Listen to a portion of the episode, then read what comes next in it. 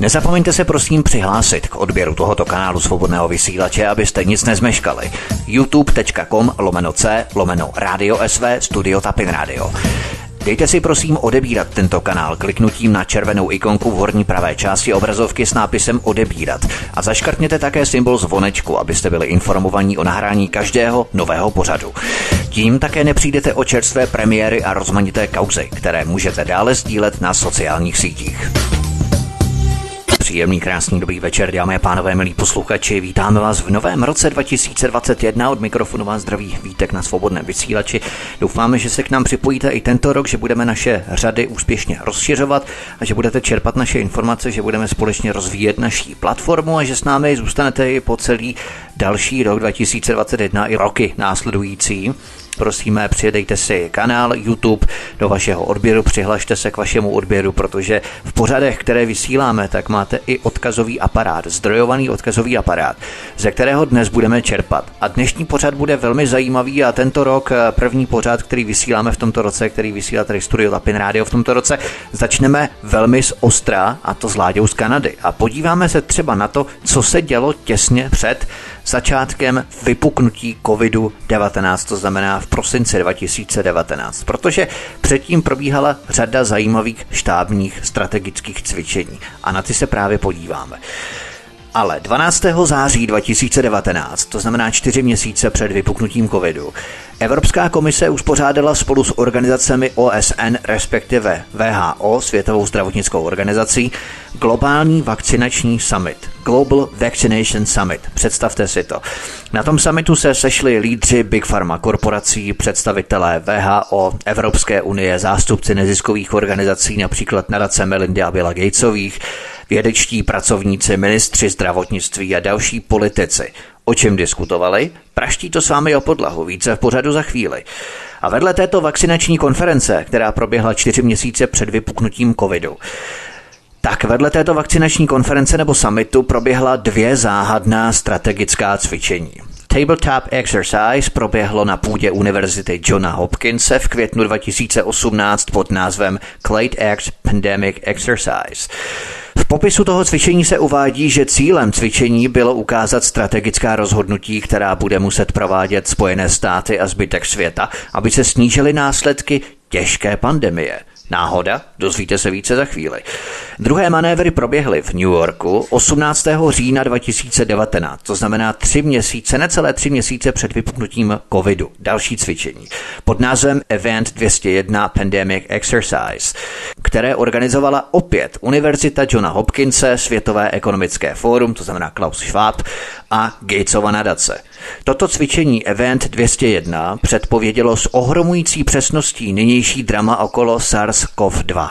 Dobře si povšimněme také zvučných jmén tohoto exkluzivního fóra Event 201, na kterém figuroval například George Fugao, nejvyšší pověřenec čínské vlády pro boj proti epidemím. Je to vážně jenom náhoda, že dnešní korona katastrofě předcházela dvě štábní cvičení pod taktovkou Gatesovy nadace, které s omračující přesností nastínily současné dění. Už jenom třešničkou na dortu je skutečnost, že nadace Melindy a Billa Gatesových sponzoruje univerzitu Johna Hopkinse v Baltimore, tedy univerzity. Pod jejíž patronací ta cvičení probíhala. A proto nás už třeba ani nepřekvapí, že Bill Gates spolu s největšími farmakoncerny Merck, GlaxoSmithKline, Bayer a tak dále sponzoruje VHO, Světovou zdravotnickou organizaci. Už jenom v roce 2012 například byl Bill Gates druhým největším sponzorem VHO. První byly Spojené státy, druhý byl Bill Gates, třetí byla Velká Británie. A tehdy VHO Bill Gates věnoval 220 milionů dolarů. A také se podíváme na českou vypečenou mafii organizovanou v nejvyšších kruzích, která se v miliardách napakovala na desetkrát předražených rouškách či respirátorech. No a k dovršení všeho, protože tento rok 2021 bude rokem budování nové globální autokratické zprávy nad touto planetou, k dovršení všeho vznikla v zbrusu nová globální nezisková organizace nejbohatších rodin a světových korporací. Ti se združují do Rady pro inkluzivní kapitalismus. Tak to přesně se ta společnost jmenuje Rada pro inkluzivní kapitalismus. A tato globální nadace je založená pod záštitou Vatikánu s morálním vedením papeže Františka.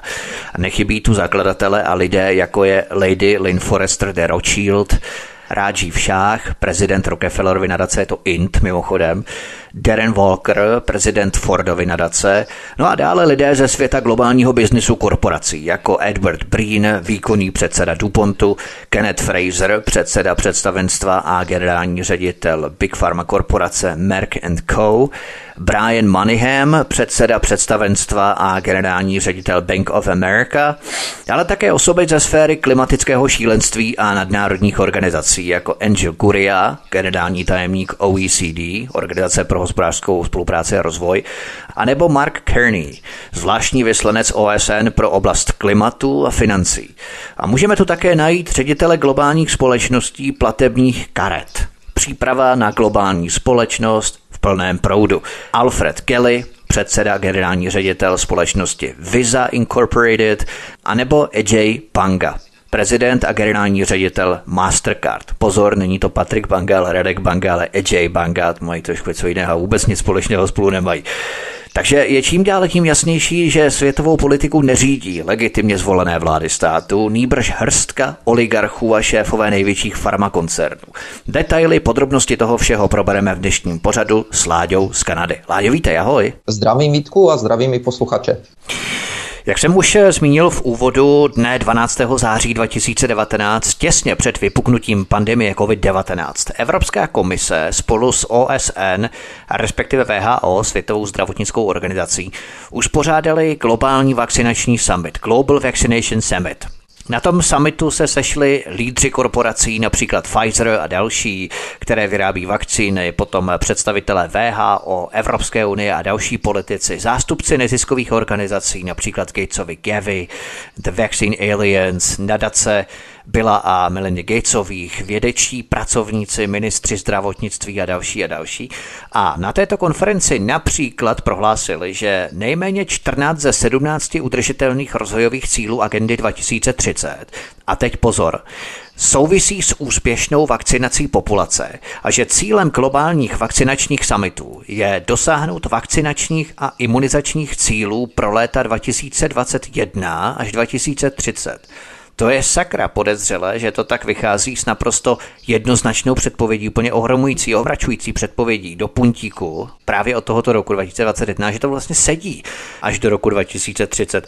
Co to bylo vlastně za konferenci pár měsíců před vypuknutím koronaviru? Tak eh, já si myslím, že to je eh, konference jako všechny ostatní. Eh, domluvit se na tom, jak nejúspěšněji navakcinovat všech, co nejvíce lidí a vydělat co nejvíce peněz. Jako nic jiného už už eh, mě tady v těchto případech nenapadá. Eh, zvlášť, když se podíváme na to, že tam kladli důraz na nebezpečí, na jedno z největších nebezpečí zdravotních pro rok 2019. To jsou dezinformace o, o vakcínách. Ja. Světová zdravotnická organizace toto prohlásila. Takže oni kladou velký důraz na to, jak bojovat proti dezinformacím, proti vakcínám, proti těm takzvaným anti-vaxxers a jak prostě přesvědčit všechny lidi, aby se e, na celém světě, aby se nechali dobrovolně navakcinovat. A mimochodem, před pár týdny, ale vyšlo to před pár dny, v Anglii vyčlenili jednotku uh, britské armády, neřekl bych dezinformační, nevím, jak by se přeložil jejich přesný, přesný název, ale byla to jednotka, která má na starosti takzvané PR jakoby britské armády, která se zabývala například uh, prodáním uh, invaze do Afghánistánu a invaze do Iráku a tak dále veřejnosti. A tato jednotka má za úkol teďka bojovat proti dezinformacím ohledně vakcín a bojovat proti zahraničnímu vlivu nebo vlivu ze zahraničí, zahraničních států, které rozšiřují dezinformace v místních médiích a na sociálních sítích. A co je zajímavé, protože to... všechny státy očkují, všechny se podílí na té hře, včetně Ruska. Tam očkují jako diví Sputnik V, nebo jak se ta vakcína jmenuje. To znamená, že kdo vlastně může šířit takové dezinformace, když všichni očkují, jak diví. No tak to, tady už používáš logiku a to už si moc daleko.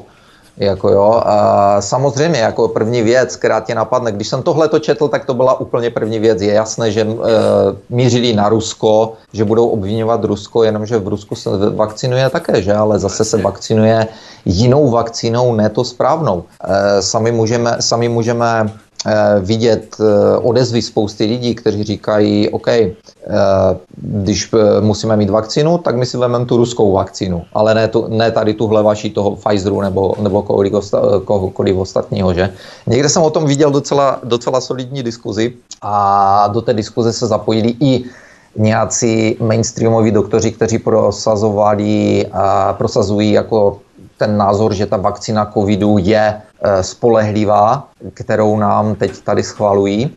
A tito doktoři řekli, no jenom, že ty ruské vakcíny jsou úplně jiné, ty ne, e, nedělají, nemají v sobě to, co mají v sobě tyto vakcíny. Oho, a, e, což měl pravdu asi, že ano, ale neřekl, neřekl přesně co.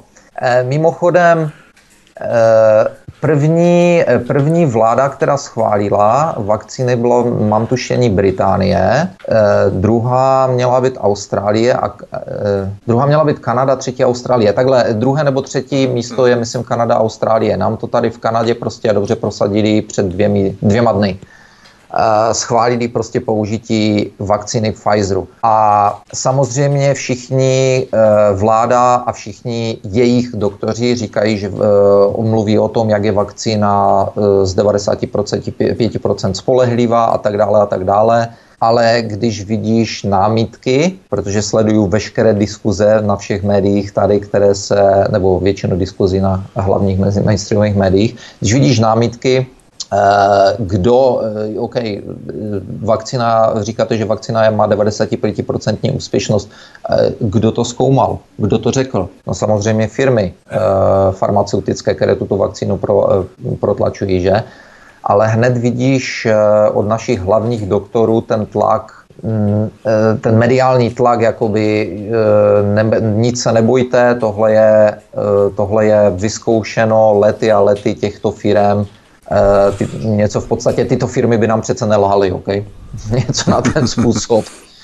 Eh, což je docela směšné, protože když se podíváme na historii eh, různých farmaceutik těchto firm nebo, nebo firm, které se na, to, na vývoji těchto vakcín podílejí, tak vidíme, že ten track record takzvaný, ta historie jich není tak jasná a tak spolehlivá. Takže tady probíhá hlavně mediální, obrovský mediální boj a proto si musím asi vyčlenit tuto vojenskou jednotku v Británii, aby pomáhala. Mimochodem, tato jednotka spolupracuje se zeměmi, bylo tam napsáno se zeměmi Five Eyes, neboli pět očí, což hmm. je eh, což jsme my všichni, že Austrálie, Amerika, Kanada, Nový Zéland a Británie. Takže ta vakcína musí být tak stoprocentní a tak spolehlivá, že je na to třeba vyčlenit eh, v podstatě vojenské spravodajství, aby bojovalo proti takzvaným dezinformacím, aby stahovalo veškeré dezinformace ze sociálních sítí a z médií. Ano, my vám to namlátíme do palic, tu bezpečnost vakcín. Pokud tomu nevěříte, tak eh, to bezpečnost vám namlátíme do palic armádou a pokud to tak nepůjde a pokud stále nebudete věřit, tak snad ta jednotka té armády bude chodit po těch lidech, které si bude vytipovávat, kteří tvoří to radikální jádro odpůrců těchto vakcín, covid vakcín a tak dále a bude jim snad vyrážet dveře a zatýkat je spektakulárně a vsazovat je do žaláře, do tauru.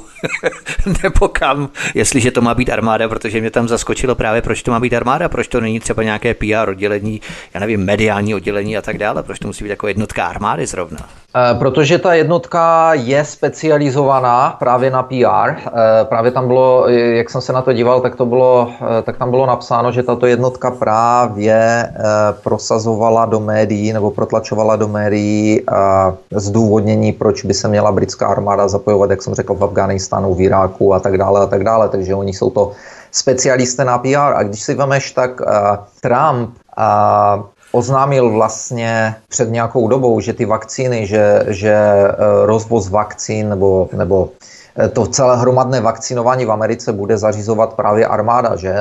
Pak se začalo mluvit o tom, o té akci Warp Speed, v Americe, pak začaly vycházet dokumenty vlastně, že je do toho, do toho Warp Speed, že je zapojena CIA a kontraktoři CIA, eh, byl tam dokonce, eh, v tom hrál úlohu i ten Blackwaters a tak dále, podle toho, co tam bylo napsáno, co, co z toho je pravda, není pravda, eh, těžko říct, ale v každém případě od spolehlivých žurnalistů, jako je Whitney Webb, která je jednou z hlavních, bych řekl, takových žurnalistek, která vykope věci, které jsou nevykopatelné kolikrát, tak ta docela zněla jakoby mm, měla, měla velké podezření, že se, nebo velké podezření, ukazovala na to, že ti kontraktoři CIA a samotné CIA do toho zapojené, že se jí to vůbec jakoby nelíbilo a prostě dobře armáda měla, americká armáda nebo některé oddělení amerických armád měly být eh, zapojené do okamžitého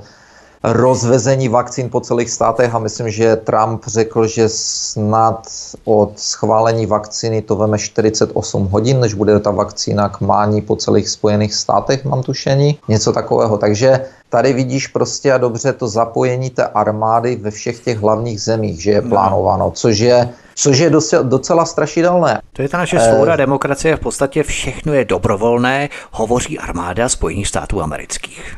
Tak, ale hlavně, hlavně já říkám každému, jako eh, je třeba si uvědomit, že vlastně celý tady ten cirkus je ohledně eh, čísel způsobených testem, který dneska, desít, dneska v podstatě desítky tisíc vědců a doktorů eh, kteří podepisují různé ty petice, jako je Great Barrington Declaration, tak říkají, že tento PCR test je špatně používán anebo nevhodný k celému e, zjišťování celého slavného výrazné topíra protože e, ten test by dává až 90% falešných pozitiv. A na to okamžitě vyskakují vědci, jako třeba jsem četl teďka článek z Harvardské univerzity, e, kdy editor, hlavní editor harvardské, harvardského newsletter, se rozepisuje o tom, že je velká kontraverze ohledně testů na COVID a že tedy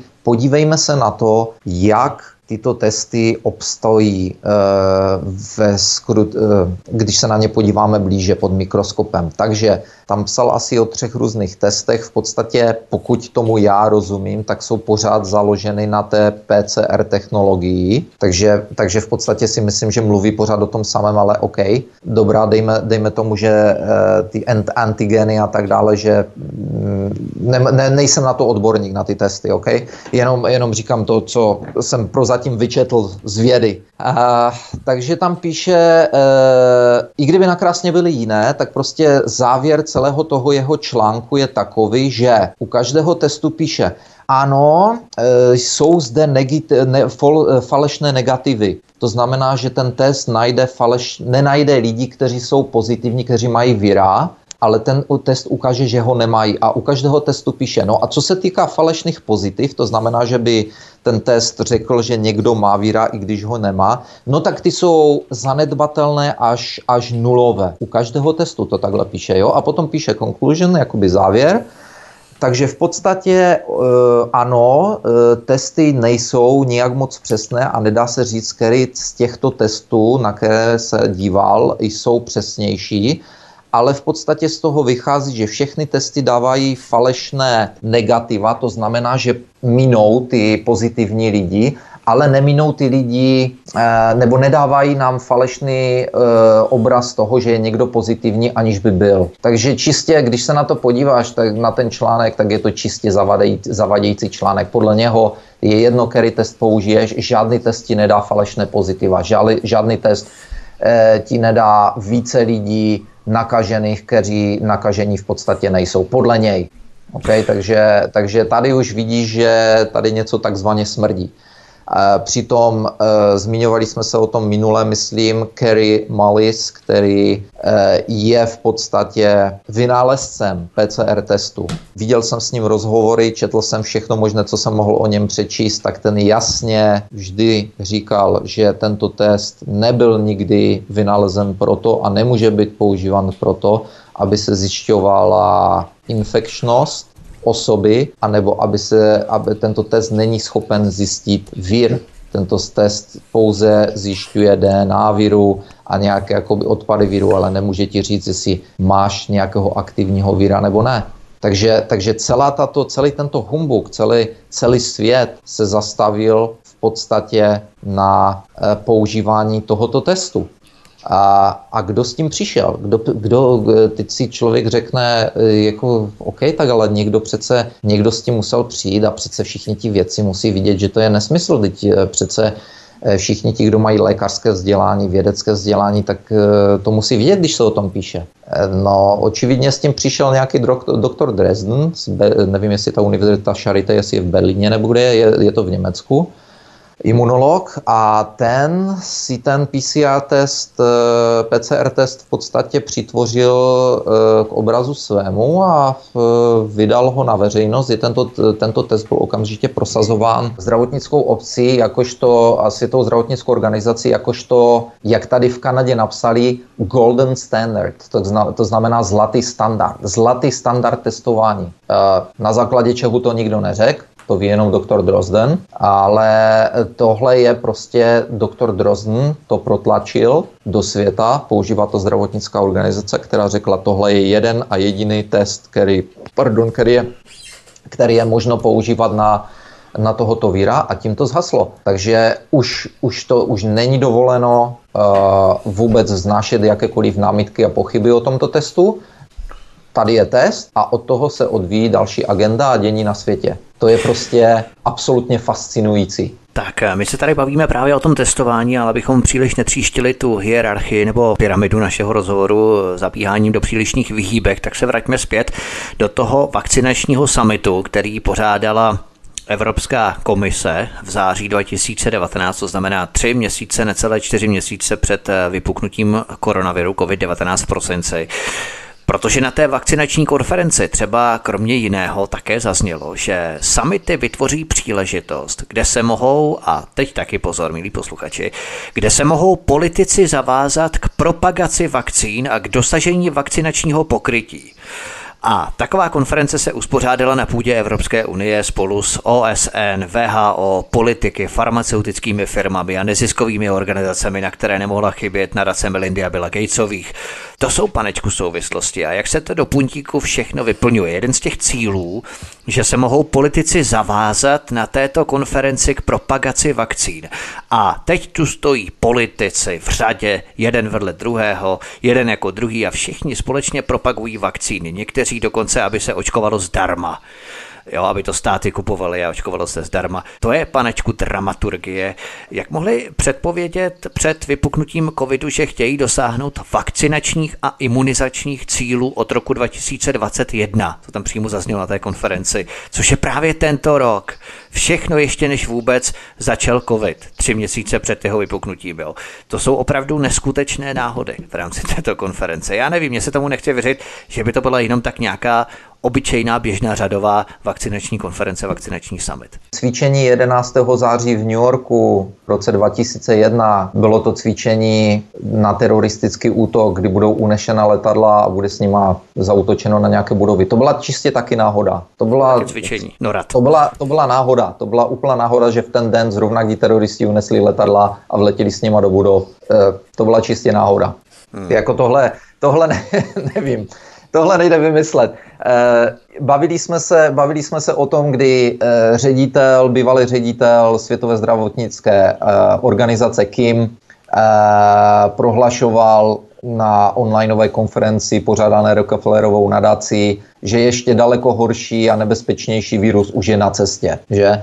Bavili jsme se o tom, že teoreticky to může dávat e, smysl, protože e, otec všech těch programů pro biologickou válku nebo otec, otec takhle, otec legislativy regulující biologické programy biologické války v Americe, tak ten řekl, ten kritizoval ty, tyto všechny programy a řekl, že má Spojené státy, že mají, teď jsem zapomněl, jestli 20 tisíc nebo 22 tisíc vědců po celém světě na různých základnách, kteří studují různé Eh, bakterie a biologické a tak dále. Eh, a že jednoho krásného dne zákonitě musí někdo někde něco utéct. Takže, OK, teoreticky by tady tyto eh, všechny samity jejich slavné se dali omluvit. Ano, viry se, také jsme se bavili o tom, že viry se dneska díky globalizaci, díky tomu, že lidé cestují, tak se tyto viry velice rychle rozšiřují, že ano.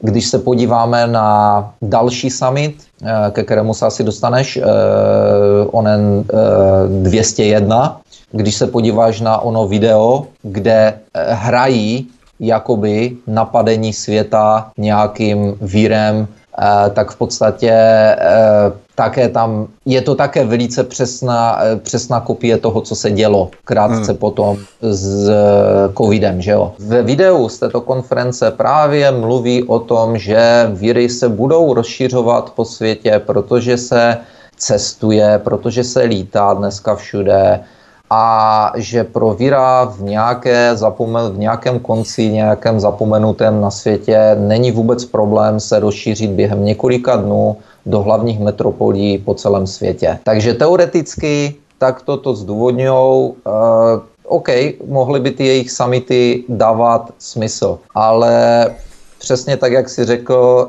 že se dějí věci pár dnů, pár týdnů, pár měsíců předtím, než se opravdu stanou, je to velice mhm. pozoruhodné.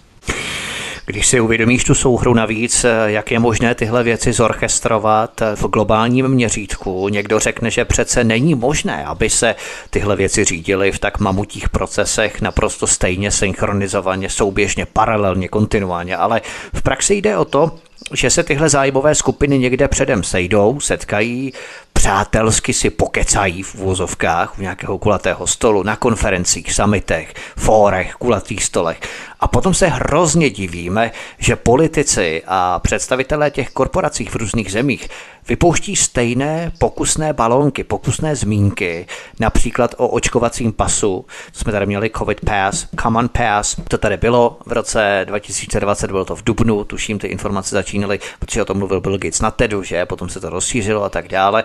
A oni někdy dokonce operují i stejnými slovními obraty, které jsou otrocky strojově přeložené. V podstatě jsou úplně stejné, tím jsme se taky někdy pozastavovali právě, co prohlásil Donald Trump a několik dní potom to prohlásila Angela Merkelová v Němčině úplně eh, ve stejném slovosledu, jo, ve stejném obratu a tak dále, jako z jednoho centra, kde by to bylo řízené. Je to opravdu korupce na nejvyšší úrovni mezinárodní mafie. Ono ty globální procesy není tak složité uřídit, když se to centralizuje do několika vlivných skupin. Evropská unie, OSN, VHO, na ně navázané organizace, které dostanou befelem, co mají dělat, co mají říkat. Farmaceuté, potom tady je úplně jasné, že jim jde o prachy v první řadě, tak dostanou příkazem, na čem mají pracovat, co mají vyvíjet a tak dále. Oni jim pomůžou, do toho samozřejmě politici naběhnou na skočí, kteří tomu dávají zelenou a dávají tomu veřejný souhlas a legitimizují chod té celé covidové mašinérie na globálním měřítku a kolosu, protože oni si také chtějí něco uloupnout a tak dále. A takto se to v podstatě dělá. To je ten synchronizační proces v rámci toho globálního řízení. Ono to opravdu v rámci moderní technologie dnes není vůbec tak úplně složité a nereálné něco takového zorganizovat. Není složité nereálně něco takového zorganizovat a když se na to podíváš, tak vlastně e, zjistíš, že na všech těch samitech a na všech těch jednáních a na všech těch agendách se neustále podílejí ti samí lidé nebo lidé zastupující ty samé organizace. A e, pak se škrábou, pak se drbou za uchem, proč jim lidé nechtějí, proč jsou lidé skeptičtí, proč jim nechtějí věřit. Přesně proto, když říká, že, že každý dneska na internetu není problém si cokoliv zjistit. A když lidé vidí, že všichni politici opakují to samé ve stejný čas během několika dnů, tu samou agendu, eh, jak jsme se o tom minule bavili, je úplně, bylo úplně jedno na jaře, jak si které země stály s takzvanými případy na eh, covidu. Ve všech zemích najednou začali protlačovat tu samou agendu. Bavili jsme se o tom eh, vlastně v březnu, kdy tady v Kanadě se nic nedělo. Když jsme, se bavili, když jsme měli onen rozhovor, tak tady v Kanadě bylo 200, takzvaně 200 nakažen, takzvaně nakažených a dva mrtví. A to bylo, myslím, že 15. března nebo 12. 13. tak nějak hned potom, co uh, Světová zdravotnická organizace vyhlásila pandemii. Takže tady jsme měli v celé Kanadě 200 nakažených lidí, dva mrtvé a najednou byla v Kanadě vyhlašena pandemie na, začak, na základě čeho? Dvou mrtvých a 200 nakažených, jako, jako je, to byl vtip. Jenomže ve ten, v ten samý den, během těch několika dnů, když jsme se o tom bavili Boris Johnson, Merklova, všichni začali zpívat úplně stejnou písničku, že? Takže tady bylo, tady bylo jasně, úplně jasně vidět uh, tuhle tu globální souhru a Kanaděné si také toho všimli, že jo, řekli, počkat, pandemie, teď se tady nic neděje. Uh, já jsem se, že jo, já vždycky s oblibou hned se začínám tak nenapadně ptát lidí, které potkávám, když mám nějakou, nějaký nápad, tak se jich začínám vyptávat jako na jejich názor.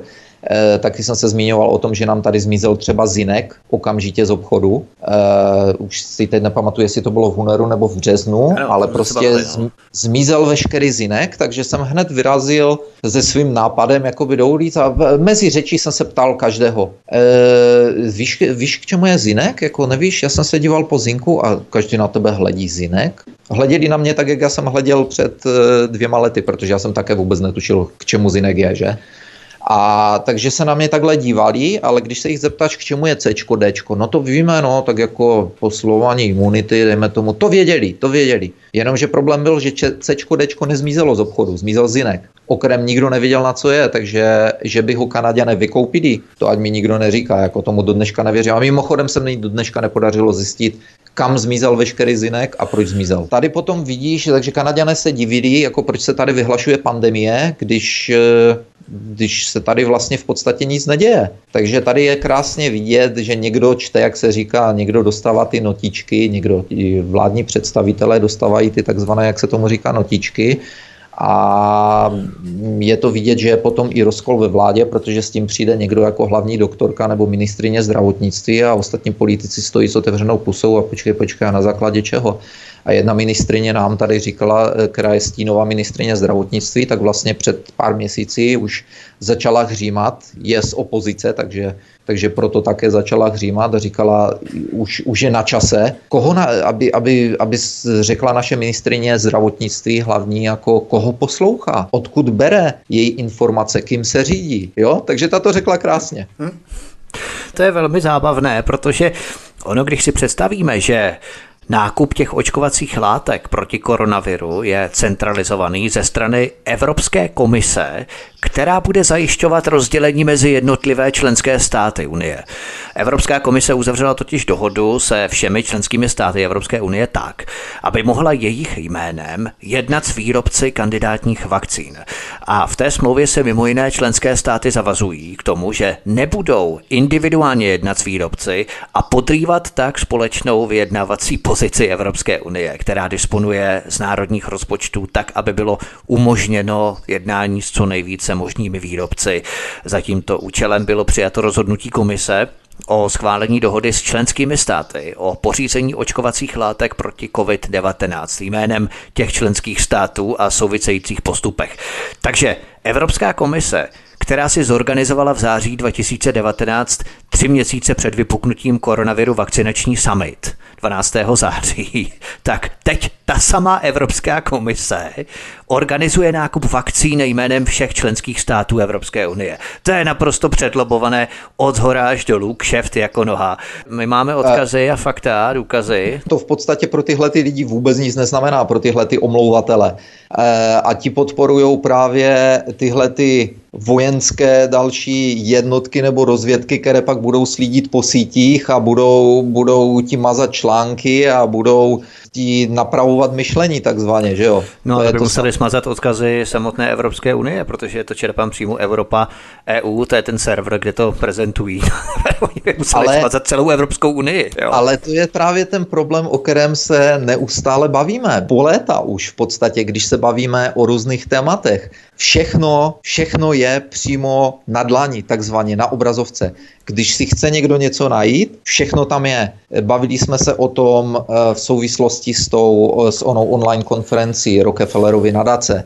Eh, teď si nevzpomenu, o čem ještě jsme se bavili předtím, eh, když jsem říkal, že veškeré, veškeré tyto důkazy nebo projevy jsou například na webových stránkách jednání jak z amerického senátu nebo kongresu, tak z kanadského parlamentu anebo e, z České poslanecké sněmovny. Všechno tam můžeš najít, když si projdeš ty videa, když si poslechneš záznamy a tak dále. Že jo?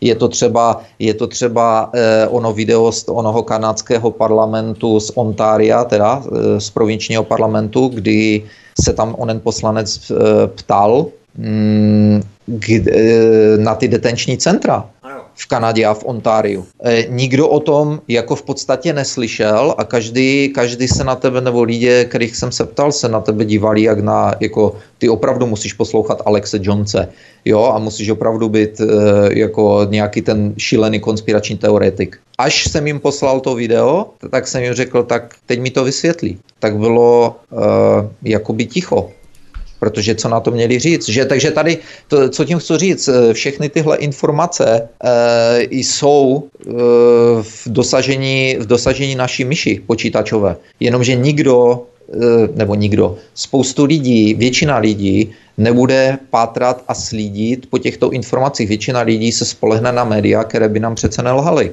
To je důležité. My nemusíme hodiny a hodiny, protože většina lidí chodí do práce, nemá na to čas. Večer přijde, jsou zdrchaní, jsou rádi, že si můžou odpočinout, trávit čas s rodinou, ještě potom sedět do počítače a pátrat hodiny a hodiny po něčem na úkor svého drahoceného volného času, který využijí produktivněji se svou rodinou, ale my to rádi děláme právě protože my nespoleháme na ta média, která nám to mohou sdělit během 15 až 30 minut ve zprávách. Potom to sumarizujeme právě do těchto pořadů, které děláme třeba s Láďou z Kanady nebo s jinými hosty a prosím, proklikejte si, milí posluchači, ten odkazový zdrojový aparát, který máme přiložený k tomuto pořadu na kanále YouTube, protože to je velmi důležité a tam opravdu řešíme všechno to, o čem se bavíme. Pojďme dál v našem rozhovoru. Jako další se podívejme na záhadné další cvičení, které se uskutečnilo už v květnu 2018. Nikoli 19, ale v květnu 2018. Když se bavíme o tom roku 2018 mimochodem, tak jenom předešlu telegraficky a do popisu pořadu na YouTube možná přiložím odkaz na náš minulý pořad, ale máte to i v kartách, ten náš minulý pořad, kde jsme to přesně rozebírali že hlavní zdravotní poradce ještě Donalda Trumpa Anthony Fauci je ředitelem Národního institutu pro alergie a infekční nemoci. No a v tom roce 2018, ještě dlouho před začátkem takzvané pandemie koronaviru, tento doktor Anthony Fauci podepisuje s ředitelem VHO, Světové zdravotnické organizace, Tedrosem Gerbreyesem, Memorandum porozumění mezi tímto americkým Národním institutem pro alergie a infekční nemoci a Světovou zdravotní organizací, a teď dobře poslouchejme, s cílem posílit budoucí spolupráci na výzkumných činnostech prováděných v reakci na vznikající ohniska infekčních chorob a mimořádné události v oblasti veřejného zdraví. To bylo v roce 2018. Přikládám do popisu pořadu odkaz s časovým razítkem na náš minulý pořad, ve kterém to máte nazdrojované. Tuto schůzku také na YouTube, je tam odkazový aparát, ke všemu přikládáme odkazy. No a v tomto roce 2018, konkrétně v květnu 2018, proběhlo strategické cvičení Tabletop Exercise, které proběhlo na půdě Univerzity Johna Hopkinse pod názvem Clade X Pandemic Exercise. Opět v popisu pořadu máte odkaz na YouTube trailer a na textovou verzi toho cvičení. No a v popisu toho cvičení se uvádí, že cílem toho cvičení bylo ukázat strategická rozhodnutí, která budou muset provádět Spojené státy a zbytek světa, aby se snížily následky těžké pandemie. A Takové cvičení proběhlo v květnu 2018 v době, kdy Anthony Fauci podepisuje s šéfem VHO Tedrosem Gerbreyesem memorandum porozumění o infekčních nemocech a ohniscích pandemie. E, myslíš, že takové cvičení Univerzity Johna Hopkinse, právě tam je důležitá ta univerzita Johna Hopkinse, to vysvětlíš asi proč, e, tak to byla jenom tak nějaká opět náhoda, která určitě s tím, co tady probíráme, nemá nic společného. Časově těžko říct opět, eh, mohlo, mohlo to být tím, mohla to být zase jakoby ta klasická dlouholetá příprava na, na pandemii a tak dále, dalo by se to takto vysvětlit. A člověk, který tyto eh, cvičení, obě ten Clad X a eh, později to tu One organizoval, tak se věnuje v podstatě pandemím, rozšířování pandemii od roku, tuším od roku 2003 a teoreticky by se to dalo omluvit. Opět ta časová, ta časová zhoda je velice podezřelá. Eh, podezřelá je hlavně osoba Anthonyho Fauciho, o kterém jsme se už také několikrát bavili, který má uh, podezřelou historii. Uh, myslím, že jsem to zmiňoval v posledním pořadu, kdy právě onen vynálezce testu PCR, Kerry Mullis, se zmiňoval o Faučím a tenkrát tam řekl jednu zajímavou věc. My všichni ve vědecké komunitě, nebo všichni ve vědecké komunitě ví, co je Fauci zač. Tento rozhovor je z 80. let, jo? z 80. nebo 90. let. E, řekl, my, ví, my jsme, všichni víme ve vědecké komunitě, co je Fauci za podvodníka a podrazáka a jako vědec je absolutně neschopný ani ne, a řekl tam, on ani neumí používat elektronový mikroskop. Eh, o čem se tam tenkrát bavil, nebo proč tento rozhovor byl tenkrát udělán, který jsem viděl, a tak se jednalo o epidemii AIDS. O tom jsme se už kdysi bavili také. A dělal to tento rozhovor s ním nějaký Gary Null a Gary Null a jeho tým byli vlastně prozatím asi jediní lidé, kteří úspěšně léčili uh, pacienty s AIDS.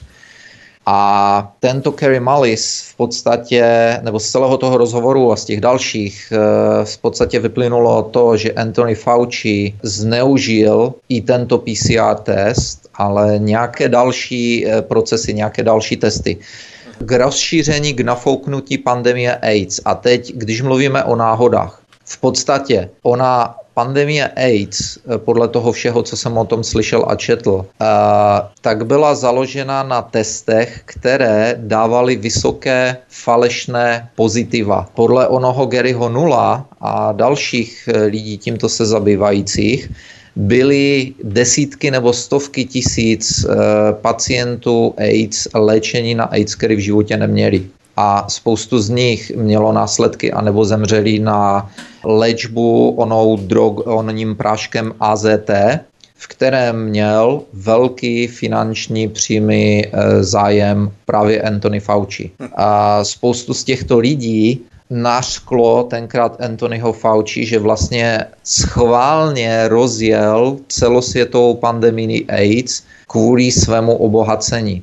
A poslouchal jsem další vědce a tento vědec v podstatě, dalšího vědce, tento vědec v podstatě řekl to samé a řekl, že by se lidi měli podívat na, uh, nebo lidé, lidé, kteří, lidé z vlád, nebo z vlády americké by se měli podívat na něho pod mikroskopem, protože Anthony Fauci říkal, že má podíl finanční v každé vakcíně, kterou schválí, a teď nevím, jestli CDC nebo FDA, teď jsem zapomněl, kdo, kdo to schvaluje, ale v podstatě CDC americká e, má velký příjem e, velký příjem z patentů, z vakcín z léku, které schvaluje, takže tam je přímo jako konflikt zájmu jako prase. To je, to je úplně neuvěřitelné ale Anthony Fauci podle něho má eh, podíl procentový eh, na, na všech těch schvalovaných vakcínách, které, které vlastně musí přes něho projít jako přes centrálního epidemi, epidemiologa.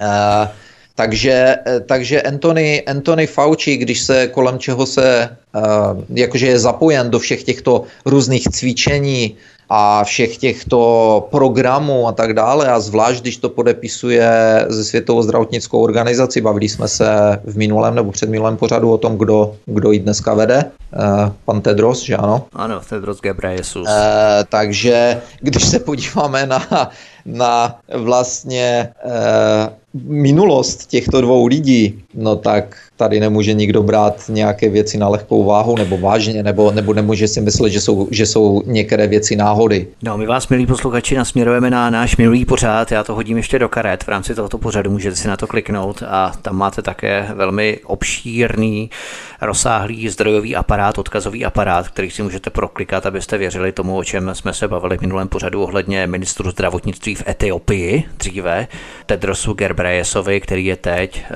šéfem eh, VHO, Světové zdravotnické organizace, tak to je velmi důležité. Ale abychom se vrátili zpět k těm cvičením, ono se řekne cvičení, no to většinou zní tak abstraktně, že si člověk ani pořádně nedokáže představit, co vlastně to cvičení může zahrnovat. A to je také velmi důležité, abychom si uvědomili opravdu, na jakých eh, principech je postavená vlastně pyramida hierarchie těch globálních řídících procesů. Ono se řekne cvičení, ale jak probíhalo takové cvičení? Totiž to do jisté míry dává nahlédnout do kuchyně těch globalistů. Jak se řídí takový mamutí globální projekt, jako je pandemie? Protože to celodenní cvičení Clade X, to první v květnu 2018, než dojdeme k tomu Event 201, což je ještě zajímavější, ale to první cvičení Clade X simulovalo jak se uvádí v tom popisu, řadu schůzí kabinetu mezi významnými hráči, takzvanými. Kdo to je významný hráč? To znamená politici, poslanci, senátoři, v Americe kongresmeni, krajští a komunální politici, rezort zdravotnictví, lékaři, doktoři, centrální nemocnice, krizové štáby různé, hygienické zprávy, stanice, krajské nemocnice, ministři financí, školství, průmyslu a tak dále, kteří dříve zastávali vedoucí pozice v minulých prezidentských administrativách, to znamená administrativa Obamy, administrativa Bushe, ve Spojených státech a tak dále. A tihle lidé dostali scénář, to se v tom popisu cvičení přesně takto uvádí. Dostali scénář, který zdůraznil nevyřešené politické problémy v reálném světě, které by bylo možné vyřešit s dostatečnou politickou vůlí a pozorností nyní i do budoucna. Konec citace. Mně se hrozně líbí, jak oni to dokážou tak krásně okecávat s dostatečnou politickou vůlí a pozorností. Co to znamená? No, autoritářské řízení, krizové scénáře, nouzové stavy, lockdowny, které musí ti politici s dostatečnou vůlí a pozorností řešit. Všichni stejně jeden vedle druhého dostanou scénář, notičky, skript, jak postupovat ve smyslu povely, příkazy, pokyny, které potom převádějí do vládních rozhodnutí a opatření zákonů ve zrychleném jednání a tak dále. To znamená, takto se to dělá. To cvičení v podstatě jenom simulovalo pozdější reálný stav a proto se ta cvičení dělají, aby se potom ten kolos, ta pandemická mašinérie, globální nezadrhávalo. Ono to není ve své podstatě tak složité řídit ten mamutí proces v globálním měřítku, jak jsme říkali už před nějakou chvilkou, když všechny vlády, instituce, nadace, organizace spolupracují koordinovaně, všechny najednou hierarchicky jako pyramida, vydá se příkaz a ten se potom promítá postupně na všechny ty nižší stupně složky až dolů. A to cvičení to přesně ukazuje. Tak to se to dělá. Takovýmto způsobem. Oni to mají potom vyprecizované ty metody. Tady bych právě poukázal na to, o čem jsme se také ne, několikrát, nesčetněkrát už bavili, když zmiňuješ politickou angažovanost. Eh, kdo se dostává v posledních, eh, v posledních letech do vlád a na různé důležité klíčové pozice ministerstev a tak dále. Bavili jsme se o tom pořád, eh, ne, bavíme se o tom neustále. Jsou to lidé s patřičně ohebnou páteří, lidé, na které něco je prostě a dobře lidé, kteří budou poslouchat, když, když jim ten telefon zazvoní a řekne se jim, co má udělat tak to udělají. A tady se vrátím třeba i k naší kanadské ministrině zdravotnictví a hlavní doktorce nějaké TEM, Číňanka je to, která je na, naše hlavní jako kanadská doktorka a e, oni jak říkám, opozice do nich je a ptá se, koho posloucháte, čím se řídíte. Jako teď, teď tady, vám, tady vám naši věci, doktoři říkají něco jiného a vy si v pořád jedete svoji. Jak by se, ať jsou no. tady výsledky, jaké chcou, tak si prostě pořád jedete svoji. Takže tady, tady jsme u toho. A naše kanadská ministrině zdravotnictví, přesně tak, jak v poslední době spoustu dalších, eh, nevím, starostů a a státních činitelů ve Spojených státech a v Evropě a tak dále, i v Čechách vlastně. E, e, všichni z nich jsou chyceni, že nedodržují svoje vlastní nařízení, ať jsou to roušky, ať jsou to zákazy cestování, ať je to cokoliv jiného. Takže jestli je, jestli je ten virus tak nebezpečný a tak strašně infekční a tak strašně smrtelný, jak to, že oni se toho nebojí? Jak to, že naše kanadská ministrině sedí na letišti bez roušky, tam vyfotili a a vesele se tam směje, baví a pak řekla, eh, když to bylo v médiích, tak řekla, no já jsem zrovna jedla, že jo, takže jí řekli, no ale kde bylo to jídlo, jako to bylo ještě v kuchyni, nebo, nebo jako okolo tebe nic není, že? A to je jedna, jak říkám, jeden politik za druhým a, a nic, se, nic se jim většinou neděje. kromě teda v ten váš, jak se jmenoval, musel odstoupit, že když ho chytli na té, vyfotili no. na té schůzce bez, bez roušky. Bez, to byla účelovka, to byl Roman Primula, ten odstoupil, Jaroslav Faltýnek, který tam Primula. byl také, tak zůstal, jo. jo. tak to byla taková opravdu účelovka, jak říká Andrej Babiš, to slovo písmene, jo. Ale ano, přesně tak, Kalousek, eh, Miroslav Kalousek, ten také byl na pivu. Tři čtvrtě hodiny tam byl, popíl pivo, oni ho chytili, v podstatě nic se mu vůbec nestalo, on se omluvil. Jo, tak, to je fajn, on tak, se omluví. Tak. tak my se taky omluvíme, protože fajn, ale je to úplně stejné s těmi politiky, kteří se také nechtějí nechat očkovat. Jak ten Matelko slovenský Igor Matoviček říká, že jako kapitán se bude očkovat až poslední. Andrej Babiš říká, že má problémy, že nemá slezinu a má nějaký anaktilický šok na tu vakcínu, tak se také nemůže dát nechat očkovat a tak dále proto je v rizikové skupině. My tady pro boha nemáme žádné jiné rizikové skupiny, které se dají očkovat a které nutí do toho očkování. Jo? Takže v podstatě ti politici nám dávají odpověď na to, že nenosí roušky, kašlou na to, jsou chycení, oni se tváří jako by nic, maximálně se omluví, když už to je neúnosné, nechtějí se dát nechat očkovat, jo, vakcíny žádné, prostě neberou to. Takže oni nám v podstatě dávají odpověď, jak se máme zachovat k tomu. Teď nedávno jsem viděl rozhovor, eh, nebo rozhovor, eh, právě to bylo z poslanecké, eh, z poslanecké sněmovny, byl tam magistr Lubomír Volný, ty jsi s ním kdysi měl taky, mám tušení, jo, rozhovor. Volný, Ten o tom mluvil v podstatě, on tam mluvil o tom očkování, on říká, jako všichni víme, že spoustu lidí se neočkuje, doktoři, říkal, že doktoři třeba své děti, spoustu doktorů své děti neočkují, ale samozřejmě všem vydáv, jako píšou do zdravotních uh, karet, že očkování byli a tak dále. On říkal, eh, on tam něco říkal v tom smyslu, jako jak chcete, aby vám lidi věřili. Nevím, nespomínám si přesně, o čem tam mluvil, akorát mě, zarazilo, akorát mě zarazilo, že, že to takhle řekl, nebo potěšilo, že to takhle řekl. On řekl, jak, jak chcete, aby vám lidi věřili, když sami děláte eh, mluvil tam právě, myslím, o Babišovi, když sami, sami děláte okamžitě klíčky, jako jo. No, no, Takže jak, jak chcete, aby vám někdo věřil potom? Jinak, eh, abychom se vrátili ještě zpět k tomu cvičení, tam na tom je zajímavé třeba to, že v tom popisu toho cvičení se také praví, že poznatky získané z Clade X budou široce sdílené za účelem zvýšení povědomí o klíčových výzvách v oblasti prevence a reakce na pandemii. To znamená, že ty vyprecizované, nacvičené, nasimulované postupy potom proběhnou v reálu na ostro, protože už to mají napilované, nadrilované, naskoušené. Je to něco jako s koncertem. Někdo cvičí nějakou skladbu, potom ji nahraje, vystříhne na koncertě, tam už to je bez chyby většinou. Ono skutečně není v dnešním eh, světě technologie složité uřídit nějaký ten globální proces, eh, protlačit nějakou agendu, stejně jako se tlačí gender agenda, stejně jako se tlačí klimo, eko, já nevím, jak se to jmenuje, agenda, stejně jako se tlačí migrační agenda a není důvod si nemyslet, že se na stejné globální úrovni netlačí COVID agenda. Vždyť to je naprosto stejná agenda jako ty agendy ostatní předchozí, které jsem jmenoval. Tlačí se úplně stejně. Otázka věděla Univerzita Johna Hopkinse, zrovna tato univerzita, kterou sponzoruje nadace Melinda a Billa Gatesových, o chystané pandemii pronikaly takové informace, kdo ví, to asi nikdo jenom tak neodhalí.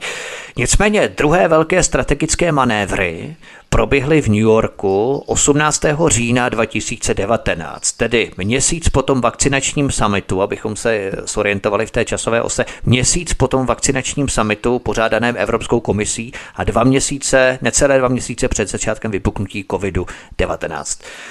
Organizace Spojených národů, respektive VHO, to OSN, to cvičení v New Yorku proběhlo pod názvem Event 201 Pandemic Exercise, které organizovala opět pozoruhodně Univerzita Johna Hopkinse, Světové ekonomické fórum Klause Schwaba a Gates Foundation, Gatesova nadace. Opět v popisu pořadu na YouTube máte, milí posluchači, odkaz na YouTube trailer a textovou verzi toho cvičení. A tohle cvičení s obračující přesností naprosto ohromujícím způsobem předpovědělo blížící se pandemii. Tam už je zajímavý ten název 201, implikující rok 2021, ale v tom YouTube traileru, a teď se dostáváme k tomu videu, které si načal předtím, toho cvičení, tak to nás normálně až mrazí v zádech, protože oni tady v tom videu přímo popisují New coronavirus spreads silently, nový koronavirus se tiše šíří a tak dále. Fakt opět náhoda. Ty jsi viděl to video, to je opravdu člověku z toho mrazí až v zádech, že? Když se na něj díváš teď, tak ano. Velkým problémem tam také kladli tam velký důraz na dezinformace, ohledně viru a boje s virem. Kladli to tam důraz... ono to ještě nezačne a oni už ví, že se budou šířit informace. Tak, tak, kladli tam důraz na problém, co tedy s sociálními sítěmi, protože už věděli, že se budou šířit dezinformace na sociálních sítích, budou se šířit dezinformace na různých záhadných webech. Eh, takže tam padaly názory, jako že tře- bude třeba například silně omezit internet, bude třeba mazat uh, určité weby, což mimochodem dneska se už děje taktéž. A myslím, že to byl YouTube, který neda před pár dny prohlásil, že bude mazat cokoliv, jakékoliv video, kde se bude mluvit o podvodech v amerických volbách. Jo, teď to nemá nic společného s pandemí, ale Jasně. myslím, jako to je stejný přístup, podobný přístup. Jo, prostě oznámili, že budou mazat jakékoliv videa, kde někdo bude mluvit o potenciálních podvodech v amerických, které se eh, podezřívá, že se staly v amerických volbách. No. Jo? Takže tam e, při onom eventu cvičení 201, e, tak kladli, to mě, to mě docela zarazilo, e, kladli velký důraz na dezinformace a na boj s dezinformacemi. Pak tam samozřejmě se mluvilo o distribuci, distribuci vakcín nebo léku, mluvili tam o supply chain. Je zásobovací řetězce. Zásobovací řetězce a tak dále a tak dále. Takže, takže v podstatě, když se někdo na to video podívá, tak to je úplně šokující. Vzhledem k tomu, jak říkáš, že to, že to bylo pár měsící před oficiálním uh, objevením se výrazné topíra, tak je to, tak je to velice šokující.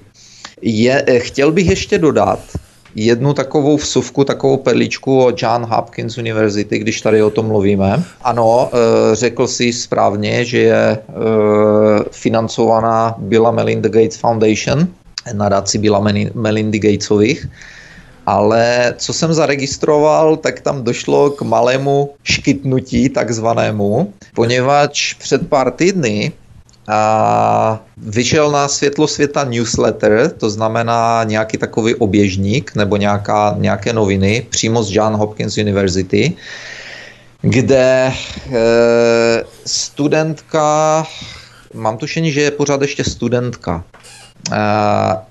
udělala analýzu úmrtí e, na COVID ve Spojených státech, vědeckou analýzu, kdy tam vysvětlovala, jak to museli spočítat, e, jak se dívali na ostatní úmrtí a tak dále a tak dále. Prostě bylo to trochu složitější, ale nakonec z toho vyšlo to, že v podstatě k žádným navýšením v, ve Spojených státech, e, co se týká úmrtí, v roce 2020 nedošlo.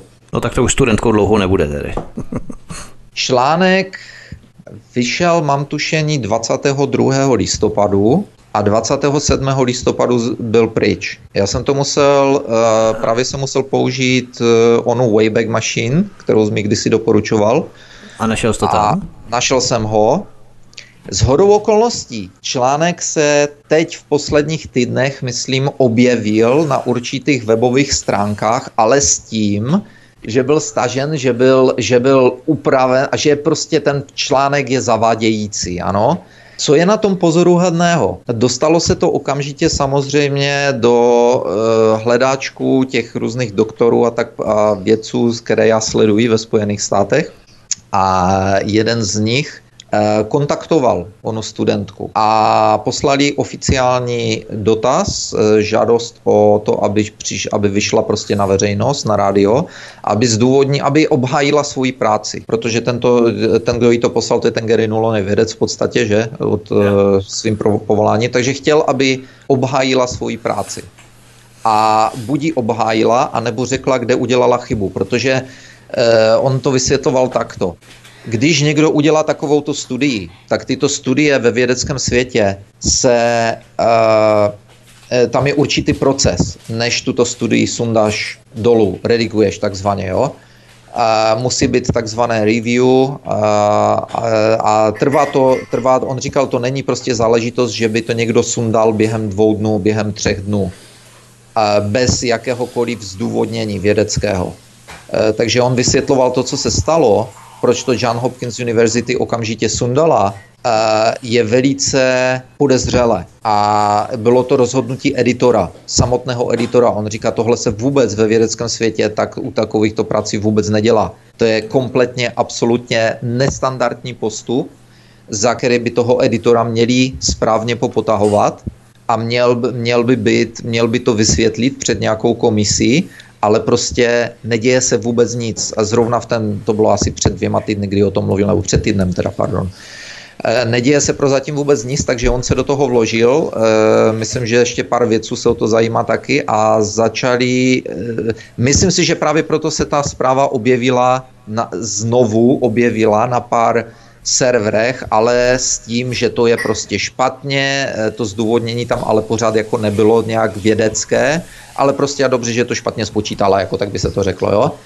E, prozatím jsem neslyšel o tom, že by kontaktovala někoho, eh, nebo možná, že už kontaktuje, ale dozvíme se to v příštích týdnech. Je to ale prostě bomba právě jakoby kudla dozad té John Hopkins University a to, co ona představuje, jakoby dnes, teď, zrovna ohledně těchto cvičení, víra a tak dále. Jo? Takže, takže v podstatě je to strašná rána do kredibility této univerzity tím, že to stáhli, tak se odkopali, o co jim vlastně ve skutečnosti jde, že opět v tom popise cvičení Event 201 se uvádí, že cvičení podtrhovalo oblasti, kde bude v reakci na těžkou pandemii opět nutné partnerství veřejného a soukromého sektoru, aby no. se zmírnily rozsáhlé ekonomické a společenské důsledky.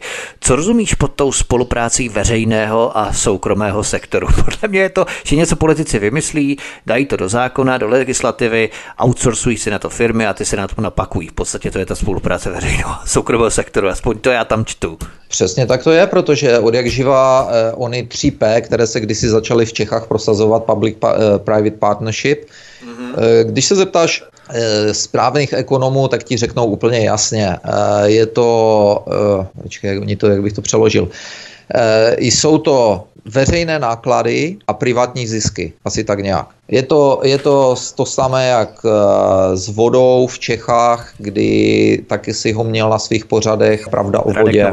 Okay. Který, který se tím, tímto zabývá už po léta prodá se vodovodní řád, vodovodní rozvody zůstanou městu, všechno ostatní, ty zisky čisté se privatizují, z toho berou privátní firmy. To nic není, to je pořád jedno a to samé a právě tady e, u tohoto jsem říkal, pandemie, celá pandemie covidu by možná skončila, kdyby nebylo privátních e, farmaceutických firm, soukromých farmaceutických firm, e, tak by možná bylo po celé pandemii velice rychle. Možná, že by celá pandemie v životě ani nevznikla, že jo? že bychom o covidu v životě taky neslyšeli. Tady je právě ten zásadní problém. E, máme, to je to také, o čem jsme se zmiňoval minule, kdo volil, tady o nás rozhoduje Bill a Bill Gates, rozhodují o nás Rockefelleři, teď už zase znovu vylezli i Rothschildové, že jo, a jejich zástupkyně, e, takže kdo pro ně volil? Jako kdo, kdo, kdo, je, kdo je, jaké oni mají e, co oni mají za sebou, že můžou rozhodovat tady o těchto věcech, o nás v podstatě, o státech. To je přesně ono. Ono se říká, že majetek se soustředí pořád do menší a menší skupiny lidí na celé planetě. 2% vlastní 94% veškerých majetků na celé planetě ty nejbohatší rodiny, to je v pořádku, když se to řekne na mainstreamu, ale pokud někdo řekne i to B, to znamená, že se vytváří nějaká globální světová elita nejbohatších rodin, tak to už je najednou špatně. To už je nový světový řád, to už je nová ekonomika, transformace nové ekonomiky, to se ještě taky budeme o tom bavit a to už je najednou špatně. To znamená, že se tady říká pouze to A. Ale Oni tady navíc v tom cvičení píšou, že v posledních letech zaznamenal svět rostoucí počet epidemických událostí, které dosahují přibližně 200 událostí ročně. Těchto událostí přibývá a narušují zdraví, hospodářství a společnost a dodávají, že odborníci se shodují, že je jenom otázkou času, než se jedna z těchto epidemí stane globální pandemí s potenciálně katastrofickými důsledky. Těžká pandemie, která proběhne pod cvičením Event 201, jak oni tady píší, by vyžadovala spolehlivou spolupráci mezi několika průmyslovými odvětvími, národními vládami a klíčovými mezinárodními institucemi. Konec citace z popisu toho cvičení. Myslíš, že to bylo jenom konstatování dosavadního stavu v tom říjnu 2019, nebo v tom čteš spíš hrozbu předpovědi a obračující přesnost v té predikci současné pandemie? Protože ta spolupráce mezinárodními vládami průmyslovými odvětvími a klíčovými mezinárodními institucemi, organizace a tak dále, ve mně evokuje opět stejně jako u toho předchozího cvičení Clade X precizně nalinkovaný scénář, rozdané notičky politikům, zaangažovaným lékařům, zainteresovaným vědcům, kteří budou chrlit hysterii do médií. Přesně to z toho čtu a to je v podstatě ten leitmotiv toho našeho pořadu, ten stavební kámen, na čem vlastně my dnešní program stavíme. V podstatě propojujeme jako detektivové, dáváme dohromady na té časové ose chronologii ta cvičení, která tady probíhala, včetně toho vakcinačního samitu. Jako takhle, eh, jak jsem řekl už nesčetněkrát, nesčetněkrát předtím, eh, já, eh, ano, dává to, dává to logiku, protože dneska žijeme v globálním světě a opravdu se může jakýkoliv virus z jakéhokoliv důvodu někde rozšířit velice rychle. Eh, dobře, ano, musí spolupracovat eh, světo, různé světové vlády a musí spolupracovat s, bohužel s o němi privátními firmami, které jsou privátní farmaceutické firmy a tak dále, které mají spoustu trhů pod kontrolou, takže je musí do toho zapojit. Takže tam, tam bych neviděl, eh, znovu, tam bych neviděl eh, nějaké jakoby spíknutí, eh, ale jak říkám, viděl bych spíknutí, nebo spíknutí, viděl bych něco podezřelého v, i, i to načasování. Z druhé strany by, dejme tomu, i to by se dalo omluvit, jako nedá se bez nějakých důkazů a se nedá říct, že že bylo pár lidí, kteří už měli toho víra naplánovaného, už věděli, že ho, že ho vypustí a tak dále, protože máme tady jsou i důkazy, nebo dá se říct, že vlastně ten virus, ten COVID-19, ty viry byly zjištěny, myslím, že už v březnu 2019 v odpadních vodách ve Španělsku. Eh, v květnu 2019 to našli v krevních v Americe v, dělali rozbory krve, kdy odbírali krev někde v květnu, nebo kdy to bylo 2019 a tam našli vlastně už protilátky e, u těch lidí, už našli protilátky proti tomu viru, to znamená, že ten ano. vir už tam musel být dříve. takže, konzervách, ano. Tak, takže, takže tady je otázka, potom hned zase se naskytuje, vyskytuje otázka, vidělo pár lidí tady na tomto cvičení, viděl Gates, viděli ti ostatní e, farmaceutické firmy, některé vybrané teda, věděli, že ten virus už se pohybuje eh, po světě a věděli, že, to, že se rozšíří velice rychle a zorganizovali z tohoto důvodu ono cvičení. Věděl to ten epidemiolog, eh, teď se nespomínám na jeho jméno, z John Hopkins University, který organizuje tyto cvičení. Eh, jednalo se, nejednalo se náhodou o jakoby předcvičení na to, co věděli, že už se v podstatě tiše šíří po světě, přesně jak to řekli v tom videu, že se potichu tento vir rozšiřuje. Nevěděli už náhodou o tom několik měsíců, že ano, ten vir se rozšiřuje a má potenciál se stát velice smrtelným a prostě zničit naši ekonomii. Věděli, možná, že už o tom věděli dávno, možná, že zorganizovali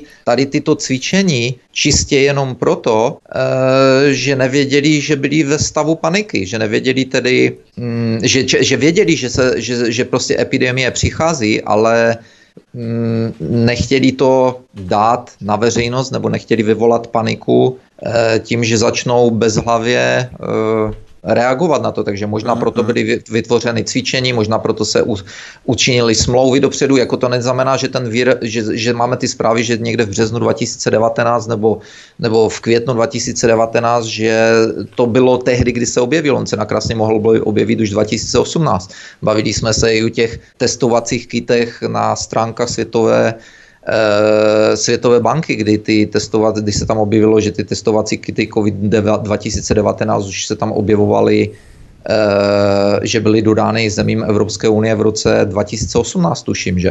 Věděl někdo no. něco dopředu a jsou tyto cvičení, všechny tyto cvičení jakoby v podstatě příprava na, na ostrý nástup?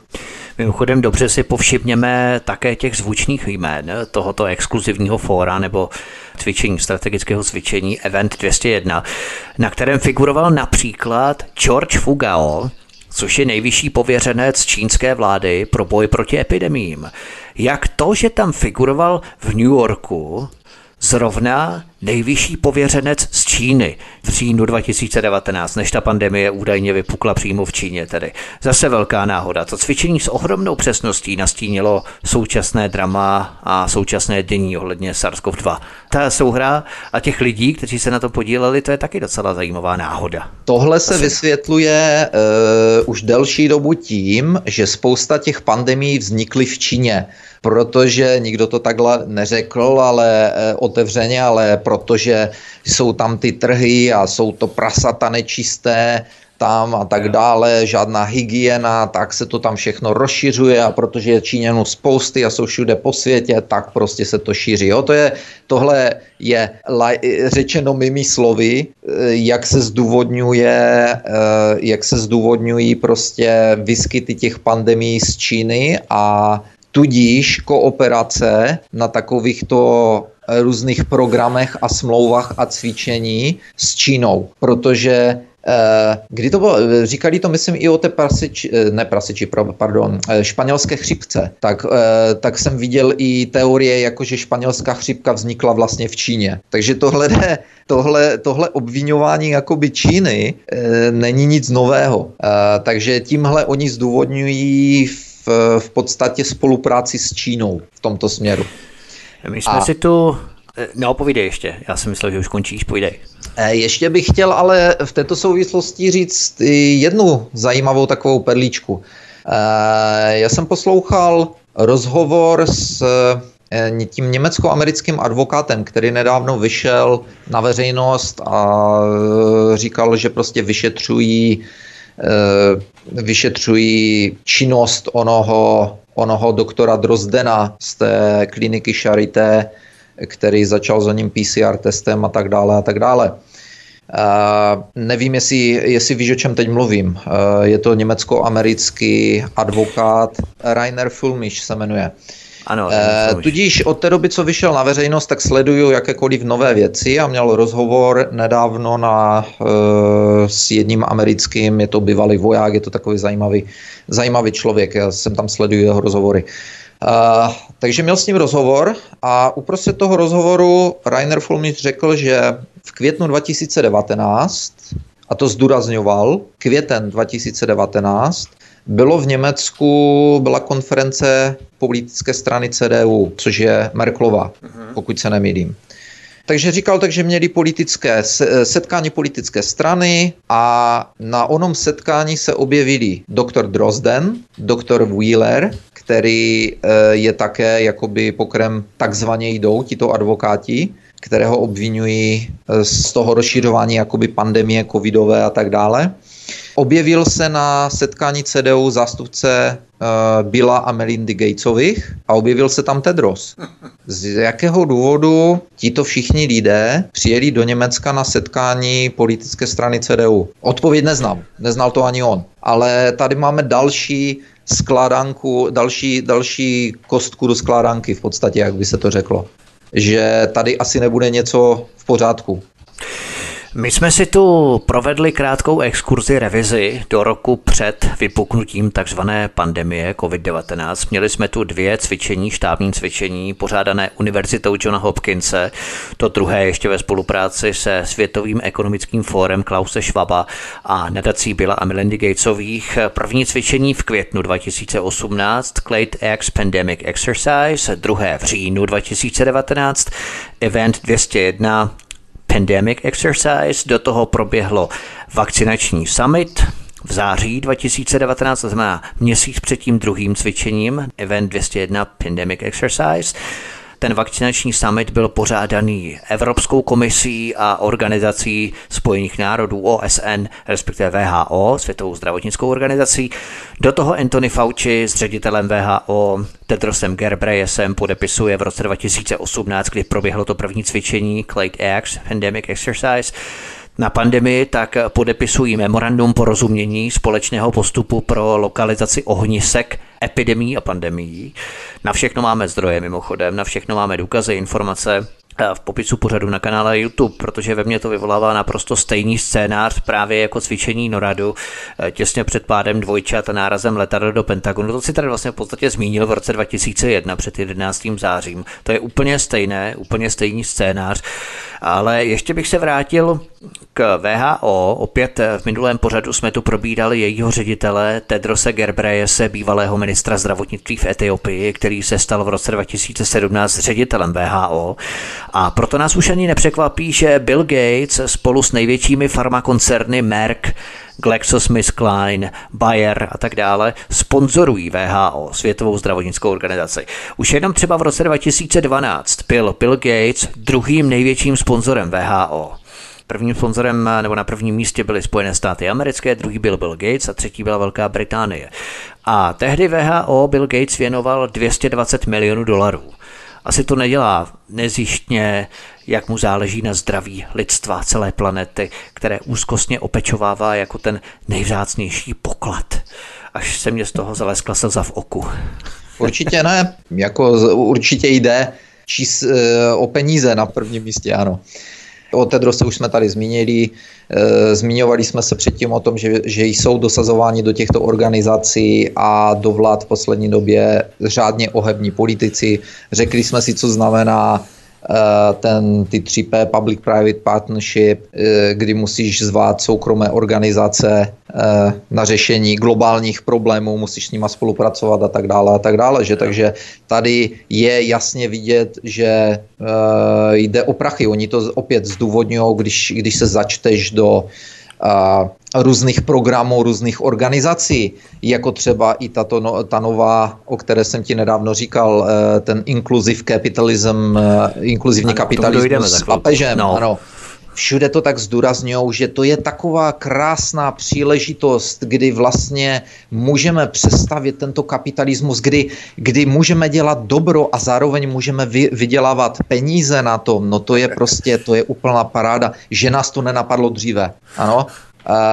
takže e, jsem velice skeptický vůči, vůči čemukoliv. Kde je, o tom, o čem se tady bavíme, tak je jasně vidět, že lidé, jak můžou lidé věřit těmto organizacím a těmto lidem a těmto vládám, když vycházejí najevo různé věci i pospátku, kdy kolikrát lhali, o všech možných věcech, že obavili jsme se o tom 11. září třeba eh, spoustu lidí. Dneska už se to ale zapomnělo, jakoby dneska už 11. září nikoho moc nezajímá v podstatě, dá se říct, což je smutné, ale tak toto funguje a já mám tušení, že s tímto se vlastně počítá, s tímto tito globalisté, nebo jak se jim chce říct, nebo některé tyto skupiny, které chcou nějak ovládat nějaké Eh, třeba svět a podobně, s kterým, s kterým počítají. Když mají v rukou média, média o tom nenapíšou, eh, co se nenapíše v médiích, to se nestalo pro většinu lidí a když se o tom nebude psát hodně dlouhou dobu, tak se to, tak se to zapomene a hotovo, vyšetření skončilo, zapomeňte, to byl myslím název nějakého filmu kdysi.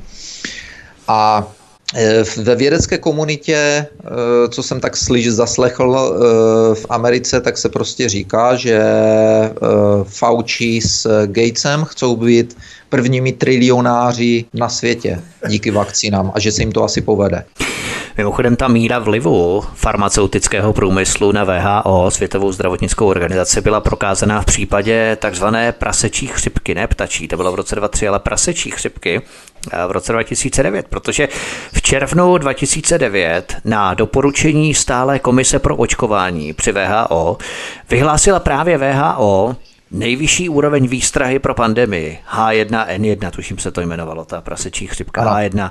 Jenomže mezi členy a poradci té očkovací komise figurovali vědci, kteří měli smlouvy s výrobci Tamiflu a dalších léků proti té chřipce jo, prasečí chřipce. To znamená, mm-hmm. že mhm. oni varovali před pandemí, no bodeď by ne, když je jasné, že čím více vystupňujeme varování před pandemí, tím větší miliardový obchod to znamená pro ty společnosti, se kterými měli smlouvy členové a poradci té očkovací komise při VHO, která vyhlásila nejvyšší úroveň výstrahy pro tu pandemii tehdy ptačí, eh, pardon, prasečí chřipky. Ten scénář je stále stejný. Dříve i dnes. Dříve to byla ptačí chřipka, potom to byla prasečí chřipka, teď je to covid. Ten vstup toho kapitálu ze, ze strany farma koncernu, big pharma koncernu, kteří na tom chtějí trhnout a vydělat a samozřejmě mít vakcínu a tak dále, to je pořád pořád a pořád stejné. Vlády, soukromé subjekty mají samozřejmě zájem na tom, aby se ty nouzové stavy, krizové scénáře udržely co nejdéle a mohly rýžovat, pumpovat prachy neskutečným tempem, což je možná ta spolupráce mezi veřejným a soukromým sektorem, jak bylo nadneseno v tom popisu cvičení Event 201. Protože to se odráží i do našeho skorumpovaného českého chléva. K tomu potom dojdeme ještě. Eh, ještě, bych, eh, ještě bychom měli zmínit jednu velice důležitou věc, eh, o které třeba spoustu lidí neví. Vakcíny, co se týká vakcín, tak nejsou, nepodléhají stejnému schvalování, například ve Spojených státech, jako ostatní léčiva. A to znamená, nedělají se takzvané teď nevím, jak by se to řeklo, prostě nedělají se studie, kdy vemete jednu skupinu lidí, kterou naočkujete proti určité nemoci, vemete druhou skupinu lidí, která není naočkovaná proti této nemoci a prostě budete sledovat po léta a léta a zjistíte, jaké jsou reakce a tak dále a tak dále. U vakcín se toto nikdy nestalo. Okay? A důvod je docela, jas, docela bych řekl, zřetelný. A myslím, že to bylo v 80. letech, teď bych si musel najít ten odkaz, už, už jsem nevím, kam jsem ho založil. Myslím, že to bylo v 80. letech, kdy uh, při některé této pandemii, z nějakých pandemií, uh, vakci... někdo soudil nějakou vakcinovou firmu, a prostě a dobře se začala vláda zajímat o to, proč, proč teda nemáme bezpečnou vakcínu. A vím, že lobbysté prostě za farmaceutické firmy přišli k, vládě a řekli, hele, Eh, tak to laicky řečeno, jo, mými slovy. Eh, vakcíny prostě a dobře bezpečné nikdy být nemůžou. Vždycky budou lidi, kteří budou poškozeni anebo bohužel umřou. Eh, prostě a dobře to nejde. Takže buď budeme mít přiklepnuto, že se nás nemůže soudit za tyto škody, no a nebo se prostě na to vykašleme a s biznisem končíme, protože tam v, tomto, v tom případě některé té vakcíny, vakcíny oni řekli, uh, my prostě pokud necháte tyto soudní procesy projít, a v Americe jsou soudní procesy, kdy uh, jsou ty takzvané class action lawsuits a tak dále, kdy, kdy se dá takzvaně vyryžovat z těch firm, eh, se dají vyryžovat velké peníze, když máte spoustu poškozených, a, takže oni řekli, tady v případě těchto soudů my platíme v této vakcíně, my platíme 20 dolarů e, za, na vakcínu za poškození, ale my z té vakcíny máme dolar. Takže my jsme minus 19 dolarů na vakcínu, jako to je, to je absolutní nesmysl a nic takového dělat nebudeme, jako proč by to měla firma, která je založena na profitu, ztrácet 19 dolarů na vakcíně, jako to je blbost. Takže buď nám schválíte zákon, že jsme z obliga, že se nás nikdo prostě nemůže, eh, nemůže dotknout, protože my konáme jenom dobro pro svět. A takže pokud nechcete, tak my to dobro pro svět prostě konat nebudeme. Takže, e, takže buď nám přiklepnete nedotknutelnost, no anebo se na to vykašleme. A... To se stalo, indemnita. Tak, Oni nemají nedotknutelnost, neručí za takže, takže, takže dostali přiklepnuto, že prostě je nemůžeš soudit. To znamená, v Americe konkrétně jsou, je takzvaný Vaccine Injury Compensation Program, VICP. Musíš, jsou na to speciální soudy, musíš k těm soudům mít. Je extrémně složité něco dokazovat, prochází s tím zrovna moje známa. Eh, jejíž otec po vakcíně na chřipku dostal ty samé problémy, jako jsem měl já, kdy já jsem pro, prošel částečnou paralýzou po vakcíně na chřipku. Uh, ale já jsem daleko mladší, že její otec je, eh, jemu je přes 70 let, myslím, nebo skoro 80 let, takže tento do dneška po roce to velice špatně rozchází, najmuli si advokáta, advokát řekl, jo, to je ten, ten a ten syndrom, to je úplně normální. Přitom, když se podíváš na příbalový leták té firmy, která tuto vakcínu vydělá, eh, eh, vyrábí, tak v onom příbalovém letáku je napsáno, že, že tímto syndromem může utrpět jeden až dva lidi z, mili, z milionu. Bude to jeden až dva lidi z milionu nebo jeden člověk z jednoho až dvou milionů, nějak tak podobně. Prostě a dobře, je to jako by si vyhrál v loterii. Takže já a její otec jsme vyhráli v loterii v tom případě.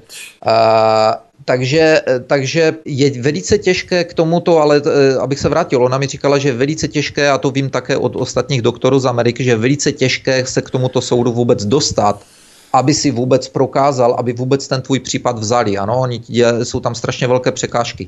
Teď s vakcínou na COVID, podle toho, co jsem slyšel o doktoru, tak, tak to se to snaží tím tuplem ještě eh, stížit aby to bylo, ještě, aby se tam nemohl prostě dostat k tomu soudu.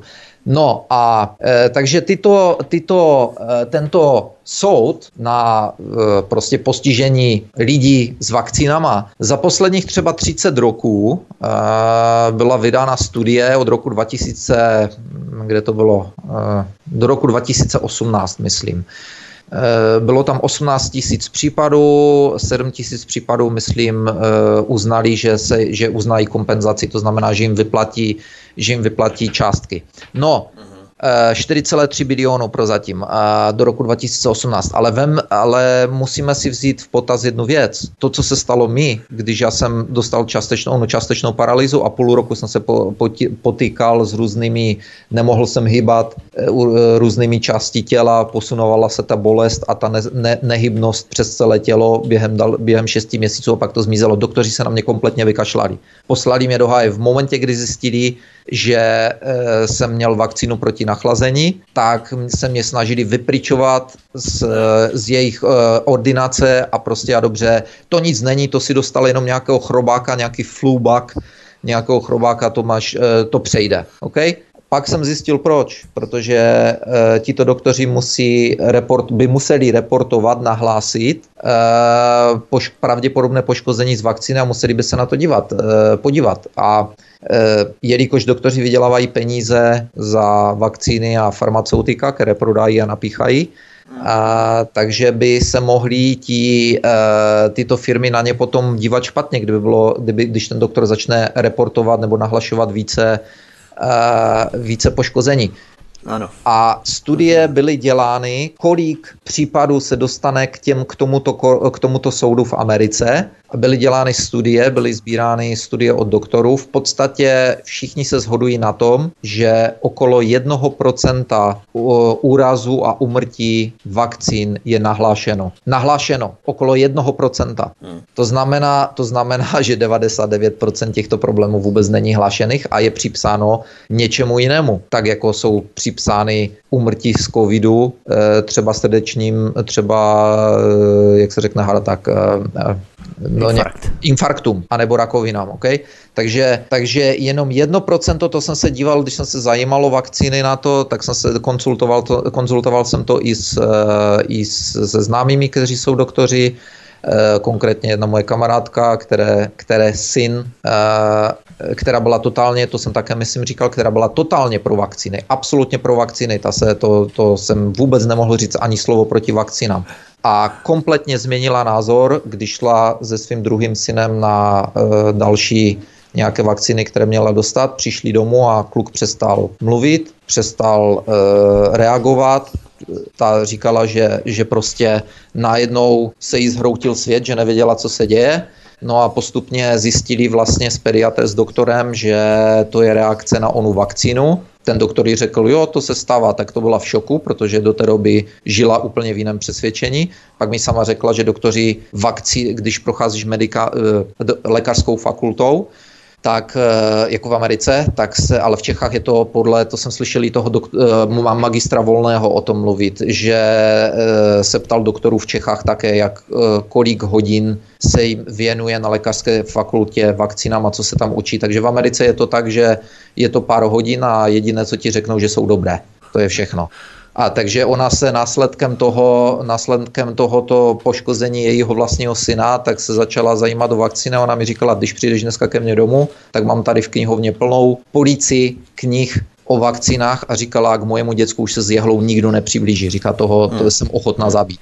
Důležitá věc, která s tím souvisí, je farmaceutická lobby, ale je byla jedna věc, kterou si pravděpodobně neviděl, co jsem dával na zeď nářku včera, e, že vlastně v únoru 2020, tento rok, e, vláda schválila prostě farmaceutickým firmám, že nebudou, nebudou popotahované, že, se, že je nemůžeš soudit v rámci, že nemůžeš vládu ani soudit v rámci toho Vaccine Injury Compensation Programu, o kterém jsme se bavili, tak nemůžeš ani k tomuto soudu poškozením nebo s umrtím vakcíny na COVID-19, OK? Farmafirmy nemůžeš soudit tak, jak tak. To je právě ten no, no. program z roku 86 Ale věc je, že teďka právě, já jsem to špatně řekl, že se to snaží zhoršit, že vlastně tím tou covidovou vakcínou, že s tou to vypadá, že nebudeš moct vůbec nic dělat, že nebudeš mít vůbec žádný nárok. Ale toto bylo vládou schváleno 4. února 2020, kdy Světová zdravotnická organizace prohlásila pandemii až měsíc na to. Takže to je taky zajímavé a já jsem se právě na to díval, díky tomu jsem narazil vlastně, kolik zaplatili eh, za ten program a eh, díval jsem se vlastně na lobbysty a vrchních deset, prvních deset industrií, eh, které lobují americkou vládu, tak jednoznačně vede ve všem farmaceutický průmysl. V roce 2018 tady, tam, tam jsem to dával, je nějakých 280 milionů. Všichni... Oni říkají, že dokonce ten farma průmysl má větší lobby než eh, vojensko-průmyslový komplex. Uh, říká, se, jako silnější. říká se to tak, říká se to tak, plus jsme kdysi se bavili o tom v některém z pořadu, že Google vlastně vlastní eh, teď minimálně dvě farmaceutické firmy, které z hodou okolností vyrábějí vakcíny, že? uh, takže tady se máme, pak, pak se máš něco dozvědět na Google o tom. No. Protože ten článek, a to je další zajímavá věc, je od Farakana, jestli víš, kdo to je, Louis Farakan to je velký představitel Černochu v Americe. A on je, on je člověče muslim. OK? A, a ten ve velkém jede, to je něco jako by duchovní představitel Černochu se vydává, on má strašně velké slovo. A on psal ten článek o tom, že ty vakcíny COVID-19 že jsou namířené proti černým.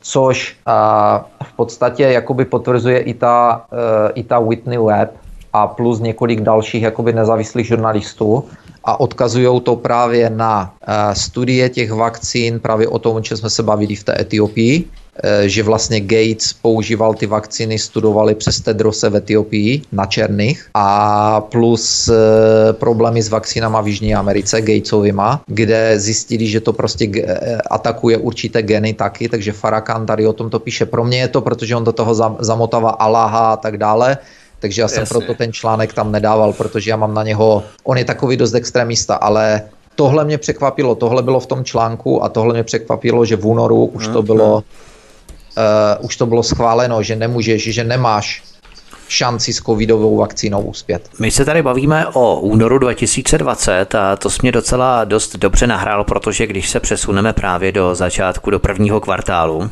roku 2020, únor, březen, duben, tak právě tady můžeme mapovat začátky té české mafie, která se začala pakovat na covidu, na koronaviru. Protože ministerstvo zdravotnictví, myslím české ministerstvo zdravotnictví, ještě za časů Adama Vojtěcha z ANO, kupovalo za státní miliardy pro nemocnice desetinásobně předražené čínské respirátory FFP2, nevhodné pro lékaře, od prázdných schránek s neznámými vlastníky, s jednateli v bílými koňmi v exekucích a bydlištěm na radnici, kde si, anebo sídlící v daňovém ráji, v tomto případě třeba Belize. Třeba firma La Factory z Lančkrouna prodávala respirátory za 1,2 miliardy korun vládě. Rece a Prague SRO z Prahy respirátory za 310 milionů korun a Desol Investment Praha respirátory za 300 milionů korun. A tyto firmy byly prázdné schrámky, nevykazovaly žádnou činnost, neměly zaměstnance, měly minimální nebo žádné tržby. A tím člověkem, který to na zdravotnictví organizoval a řídil, byl a je Miroslav Doležal, agent STB, mimochodem bývalý s krycím jménem Chlor, a Miroslav Doležal je zaměstnancem ministerstva zdravotnictví od června 2015, prošel samozřejmě výběrovým řízením a pracoval na odboru dohledu nad zdravotními pojišťovnami. Jo. A v čase koronakrize mu Adam Vojtěch svěřil ty objednávky, tam figuroval nákupní tým, který vytvořil návrh objednávky a k té objednávce přiložil další dostupné informace, cenovou nabídku, technickou specifikaci produktu, já nevím, vyjádření nějakého experta z klinické praxe o vhodnosti toho daného typu produktu pro klinickou praxi v České republice a tak dál. A ty všechny objednávky podepisoval pouze náš Miroslav Doležal. Jo. A mimochodem, Jaroslava Doležalová od Miroslava Doležala je personální manažerkou Agrofertu. A jsme doma. Takže to hezky zůstane v rodině a jede to všechno na nejvyšší úrovni. Jaroslava Doležalová, personální manažerka Agrofertu, Miroslav Doležal dohlížel nad zdravotními pojišťovnami, podepisoval, organizoval a řídil nákup desetkrát předražených roušek a respirátorů pro tři vybrané firmy. Je to hezky v rodině u Doležalů a pěkně pod zastřešením Agrofertu. Máme tady na to odkazy, opravdu čerpáme z veřejných zdrojů, to není nic vymyšleného. V popise pořadu na YouTube si na to můžete kliknout, milí posluchači. Tady je odkazový aparát opět. Hezké, že? Takže největší dodavatel těch roušek a respirátorů, firma La Factory, předložila ministerstvu zdravotnictví dokonce k těm objednaným respirátorům nevhodné certifikáty. Jeden byl dokonce padělaný, ten certifikát. Firma Desol Investment z Prahy, tak eh, tam je třeba neznámý vlastník, mají virtuální adresu, ta dodala respirátory za 300 milionů korun. Takže Firma Belize, ministerstvo zdravotnictví, neskutečná mafie, organizovaná opět na těch nejvyšších kruzích. A ta firma La Factory, jak jsem se o ní zmínil, z Lanškrouna, Ti dodali respirátory za 1,2 miliardy a jeden expert se o této firmě vyjádřil jako o připravené prázdné schránce, nevykazovala vůbec žádnou činnost, neměla žádné náklady, žádné výnosy a podle přílohy za rok 2018 neměla dokonce ani žádné zaměstnance tahle firma. A tahle firma nakoupila roušky a respirátory za 1,2 miliard korun. Recea Prague, to je ta druhá firma, tak na toho majitele té firmy je 18 exekucí a bydliště má na úřadě. A přesto ta firma získala od ministerstva zakázky na respirátory za 310 milionů korun. Jo. Já nevím, dovedeš si představit třeba, že máš 18 exekucí na sebe, jsi zadlužený až po střechu, adresu máš někde na radnici a najednou ti z nebes spadne zakázka snů. Navíc na něco, co si nikdy nedělal. Oni v tom zdravotnictví vůbec nikdy nepodnikali ještě. Jo.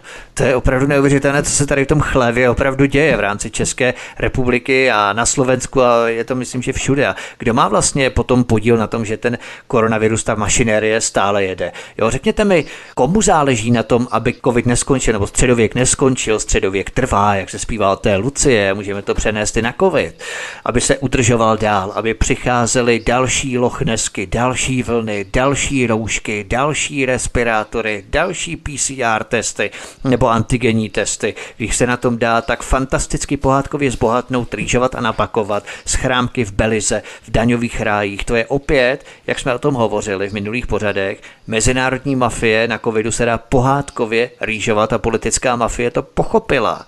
A tak sami budou hýkat, jak to nesmíme podceňovat, jak musíme kupovat roušky, jak je musíme každý den měnit a ideálně třikrát, čtyřikrát.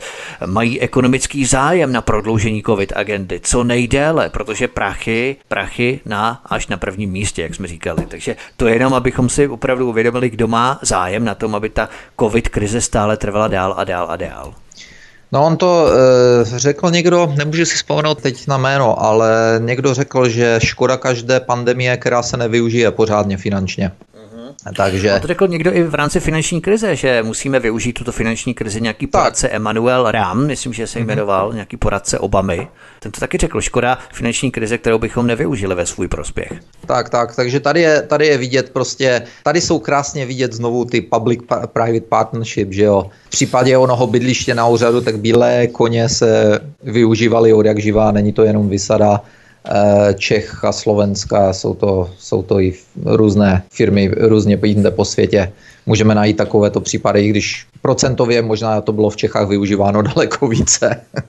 Jestli máme zkušenosti, tedy bílí koně opravdu řechtají v Čechách. A... Ale pojďme se, pojďme se podívat úplně na to poslední téma, které tady máme, když tu hovoříme o té mafii. Tak ještě závěrem přejdeme k poslednímu tématu, které mnoho z nás překvapí. Na konci roku 2020 vznikla totiž z Brusu nová globální nezisková organizace nebo nadace nejbohatších rodin, světových rodin a zástupců světových korporací. A ti se združili do organizace zvané Rada pro inkluzivní kapitalismus, Council of Inclusive Capitalism. A Tato globální nadace je založená pod záštitou Vatikánu s morálním vedením papeže Františka. Představte si to, taková morální organizace. Přirovnali bychom to k římskému klubu, trilaterálům, Bilderbergu nebo Radě pro zahraniční vztahy CFR, tak je to něco podobného, v podstatě transformace v rámci určité ekonomiky, která se bude přebudovávat v tomto roce 2021. Připadá mi to tak, protože když se podíváš na členy, kteří na jména, které tam jsou, z jakých jsou, z kterých jsou organizací a tak dále, eh, tak mi to připadá, že je to pořád jedno a to samé. Dokonce, když jsem se na to díval, tak eh, v podstatě to Eh, vypadá, že oni zakládají jeden klub, jednu, jako klub bych tomu řekl, za druhým a neustále se združují navzájem, někde vydávají prohlášení, združují v různých klubech různé firmy. Opět jsme tady u tohoto, opět jsme tady u tohoto samého public-private partnership. Opět jsme tady u toho, že soukromé firmy budou ždímat veřejné peníze. To je prostě od jak živa to byl nejlepší a nejistější biznis. Když budete vlastnit politiky, budete je mít v kapse, tak prostě budou tvořit zákony, které vám budou, jakožto firmě nebo korporaci mezinárodní, e, nakloněny. Budete dostávat zakázky třeba bez, výběrových, bez výběrových řízení a e, biznis se točí, že jo? Takže to, že to posvětil papež František, to je takové velice zajímavé.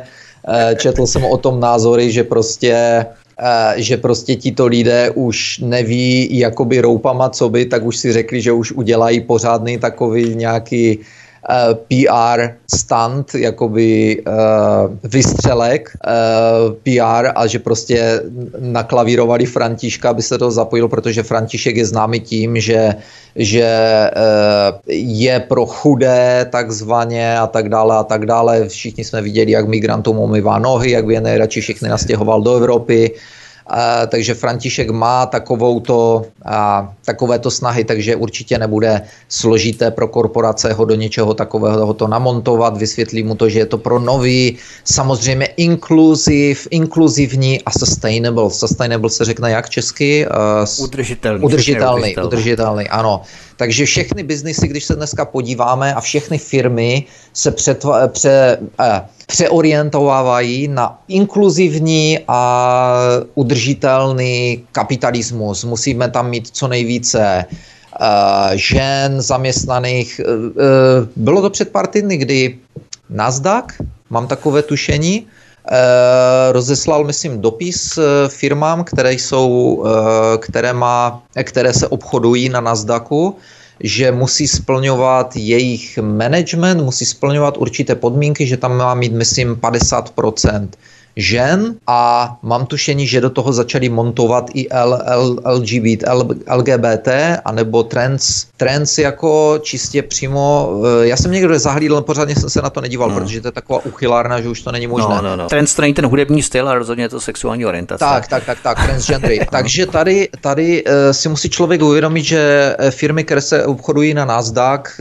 jsou, jsou velké korporace, a proč by jim Nasdaq diktoval, koho musí mít uh, ve, svých, uh, ve svých radách, koho musí mít, kdo musí být CEO a tak dále. Bavili jsme se o tom, uh, myslím, že jsme se o tom bavili v jednom z toho pořadu, že tam, nebo nebavili, uh, prez, že mě překvapilo, že prezident Rockefellerovy Foundation, Rockefellerovy nadace, že je Int, že jo, onen pan Šách. Ano. Tak, te, Šách, tak ano. když jsme se bavili, o, díval jsem se na to, že kdo je prezidentem Mastercard. Uh, také Ind. A když jsem sledoval některé jeho videa, tak mi nešlo do hlavy, jak může někdo takový být uh, v popředí takovéto organizace, jako je Mastercard, která uh, má produkovat především peníze pro své investory a do Mastercard, stejně jako do Visa, můžou investovat jenom nejbohatší z nejbohatších. To není jako, že si nějaký hmm. Loiza koupí 10 akcí Mastercard, to v žádném případě. Eh, to i v rámci přechodu k té digitální měně nebo bezhotovostní společnosti, tady si všímáme, že v té organizaci, v té Radě pro inkluzivní kapitalismus jsou právě eh, ředitelé těch globálních korporací pro platební karty, Mastercard a Visa Card. Ano, přesně tady jo, ten člověk je tam, ano. Ale já bych se chtěl zeptat, Láďo, jaké jsou ty cíle, eh, myslíš té organizace nebo té globální nadace, ve které se propojují banky, Banks 3, nejbohatší rodiny a zástupci největších nadnárodních korporací. Co je účelem založení nyní pod patronací Vatikánu, respektive papeže Františka. Zaštiťuje katolická církev nový globální řád, řekli bychom novou ekonomickou transformaci na, řekněme, úrovni průmyslové revoluce 4.0, nebo jak to máme chápat, tuhle organizaci? Uh, já si myslím, podle toho, co jsem všechno o tom četl, četl jsem i názory, díval jsem se i na názory uh, různých uh, lidí z ekonomie a z biznisu a podobně tady na tohleto a prostě a dobře to vypadá, že to je čistě jenom další spolek, další ze spolku, který bude hledat, jak ždímat peníze na onom novém, novém hnutí, takzvaně, které dneska právě o této inkluzivitě a udržitelnosti prostě a dobře hledají jakékoliv cesty, jak eh, z toho vyždímat další peníze, protože musíme si uvědomit, korporace Eh, třeba v Americe podle zákona jsou, se musí řídit profitem na prvním místě, jsou zodpovědné vytvářet profit pro své uh, akcionáře. Takže si nemůžou dovolit uh, vyhazovat jenom tak peníze, rozhodnout se, OK, tak my srazíme naše zisky, my je obětujeme naše zisky pro příštích, já nevím kolik let, do roku 2030 nebo 2050, díky těm jejich různým programům, tak budeme obětovat třeba 50% našich zisků jenom proto, aby, aby nás vedli transgendři a ženy, aby jsme najmuli jenom transgendry a nějaké ženy, třeba, eh, které budeme najímat ne na základě znalostí a schopností, eh, jak eh, řídit biznis, ale budeme je najímat jenom, jenom na základě toho, v kolika uchylných spolcích byly a jaké jsou aktivistky. Tak to asi ne. Jako to, to si myslím, že tohle asi neprojde, takže tohle všechno je jenom taková hra, jenom takové, takové jak říkám, zase PR stand, to znamená takový vystřelek PR. Prostě a dobře jdeš, jdeš s proudem. Dneska je pro takový, eh, vidí, eh, jede to na jede to v médiích, eh, lidé na to slyší, dá se na tom vyždímat, že jo, vidíme všichni, jak Nike, koho začali Nike, jako boty, firma, která vyrábí oblečení a boty, koho začali a na koho se začali zaměřovat a tak dále, koho podporují, že jo, hned skočili na Black Lives Matters, že a tak dále. Takže, takže tohle je čistě jenom další využití, další chytrý. Ale jakmile by tam tito lidé měli začít pracovat a snižovali by se jim zisky, na to si oni sáhnout nedají. Oni to z toho profitují, ale v okamžiku, kdy zjistí, že by to mělo snižovat jejich zisky, tak v tom okamžiku bude po transgendrech a po LGBT. Já si právě tam nebudou makat. že když jsem se díval na ty, na ty CEO těch, těch firm, jak jsem říkal, eh, ten třeba ten eh, ředitel toho, ne CEO, ale eh, ti, co jsou v managementu, ředitel Mastercard, když jsem právě sledoval, mě právě zajímalo, kdo to je, takže jsem hledal všelijaké možné jeho proslovy videa, a jak říkám, vzhledem k tomu, že eh, do Mastercard investují pouze jenom nejbohatší z nejbohatších lidí, jakoby investoři a tak dále, ti by si určitě nenechali někoho takového vedení. Nevěřím tomu ani na zlomek sekundy. Já si myslím, že tito lidé jsou tam nastrčeni a byli tam nastrčeni už dávno předtím, než začal tady toto tady tyto různé hnutí.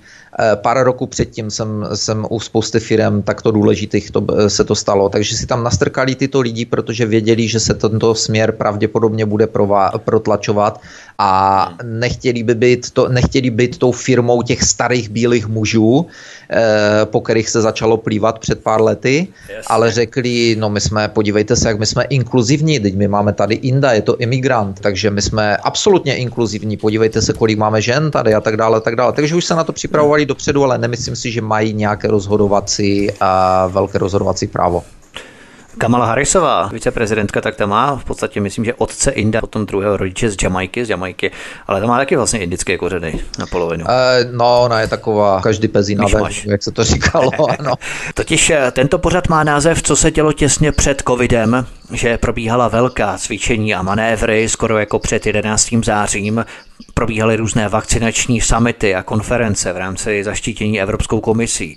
Na to jsme chtěli upřít vaší pozornost, milí posluchači. Stejně jako na českou mafii, která se parádně napakovala na desetkrát předražených rouškách a respirátorech, jaké jsou finanční vazby a propojení VHO, Světové zdravotnické organizace, na nadaci Melindy a Billa Gatesových a také, že tato nadace sponzoruje univerzitu Johna Hopkinse, což je právě ta univerzita, která organizovala a na jejíž půdě probíhala ta dvě obrovská štábní strategická cvičení. Clade X a Event 201.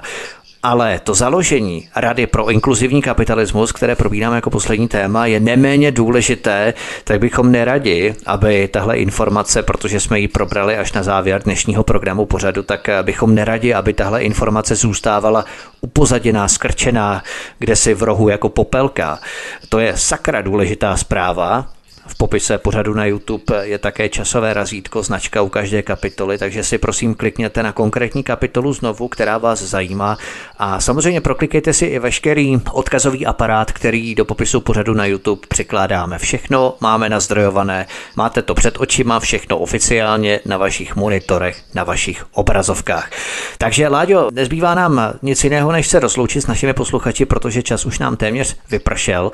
Takže moc děkuji za dnešní pořád, velmi zásadní zásadní informace na začátku tohoto roku. Otvíráme zásadními informacemi, které potom samozřejmě budeme zkoumat a rozšiřovat. Pokud, milí posluchači, máte nějaké komentáře nebo třeba nějaká další zjištění, na které byste nás rádi upozornili, tak prosím zanechte nám v komentářích tohoto pořadu na kanále YouTube eh, nějaké podněty, otázky, případně náměty na příští vysílání s Láďou z Kanady. My se tomu samozřejmě budeme rádi věnovat.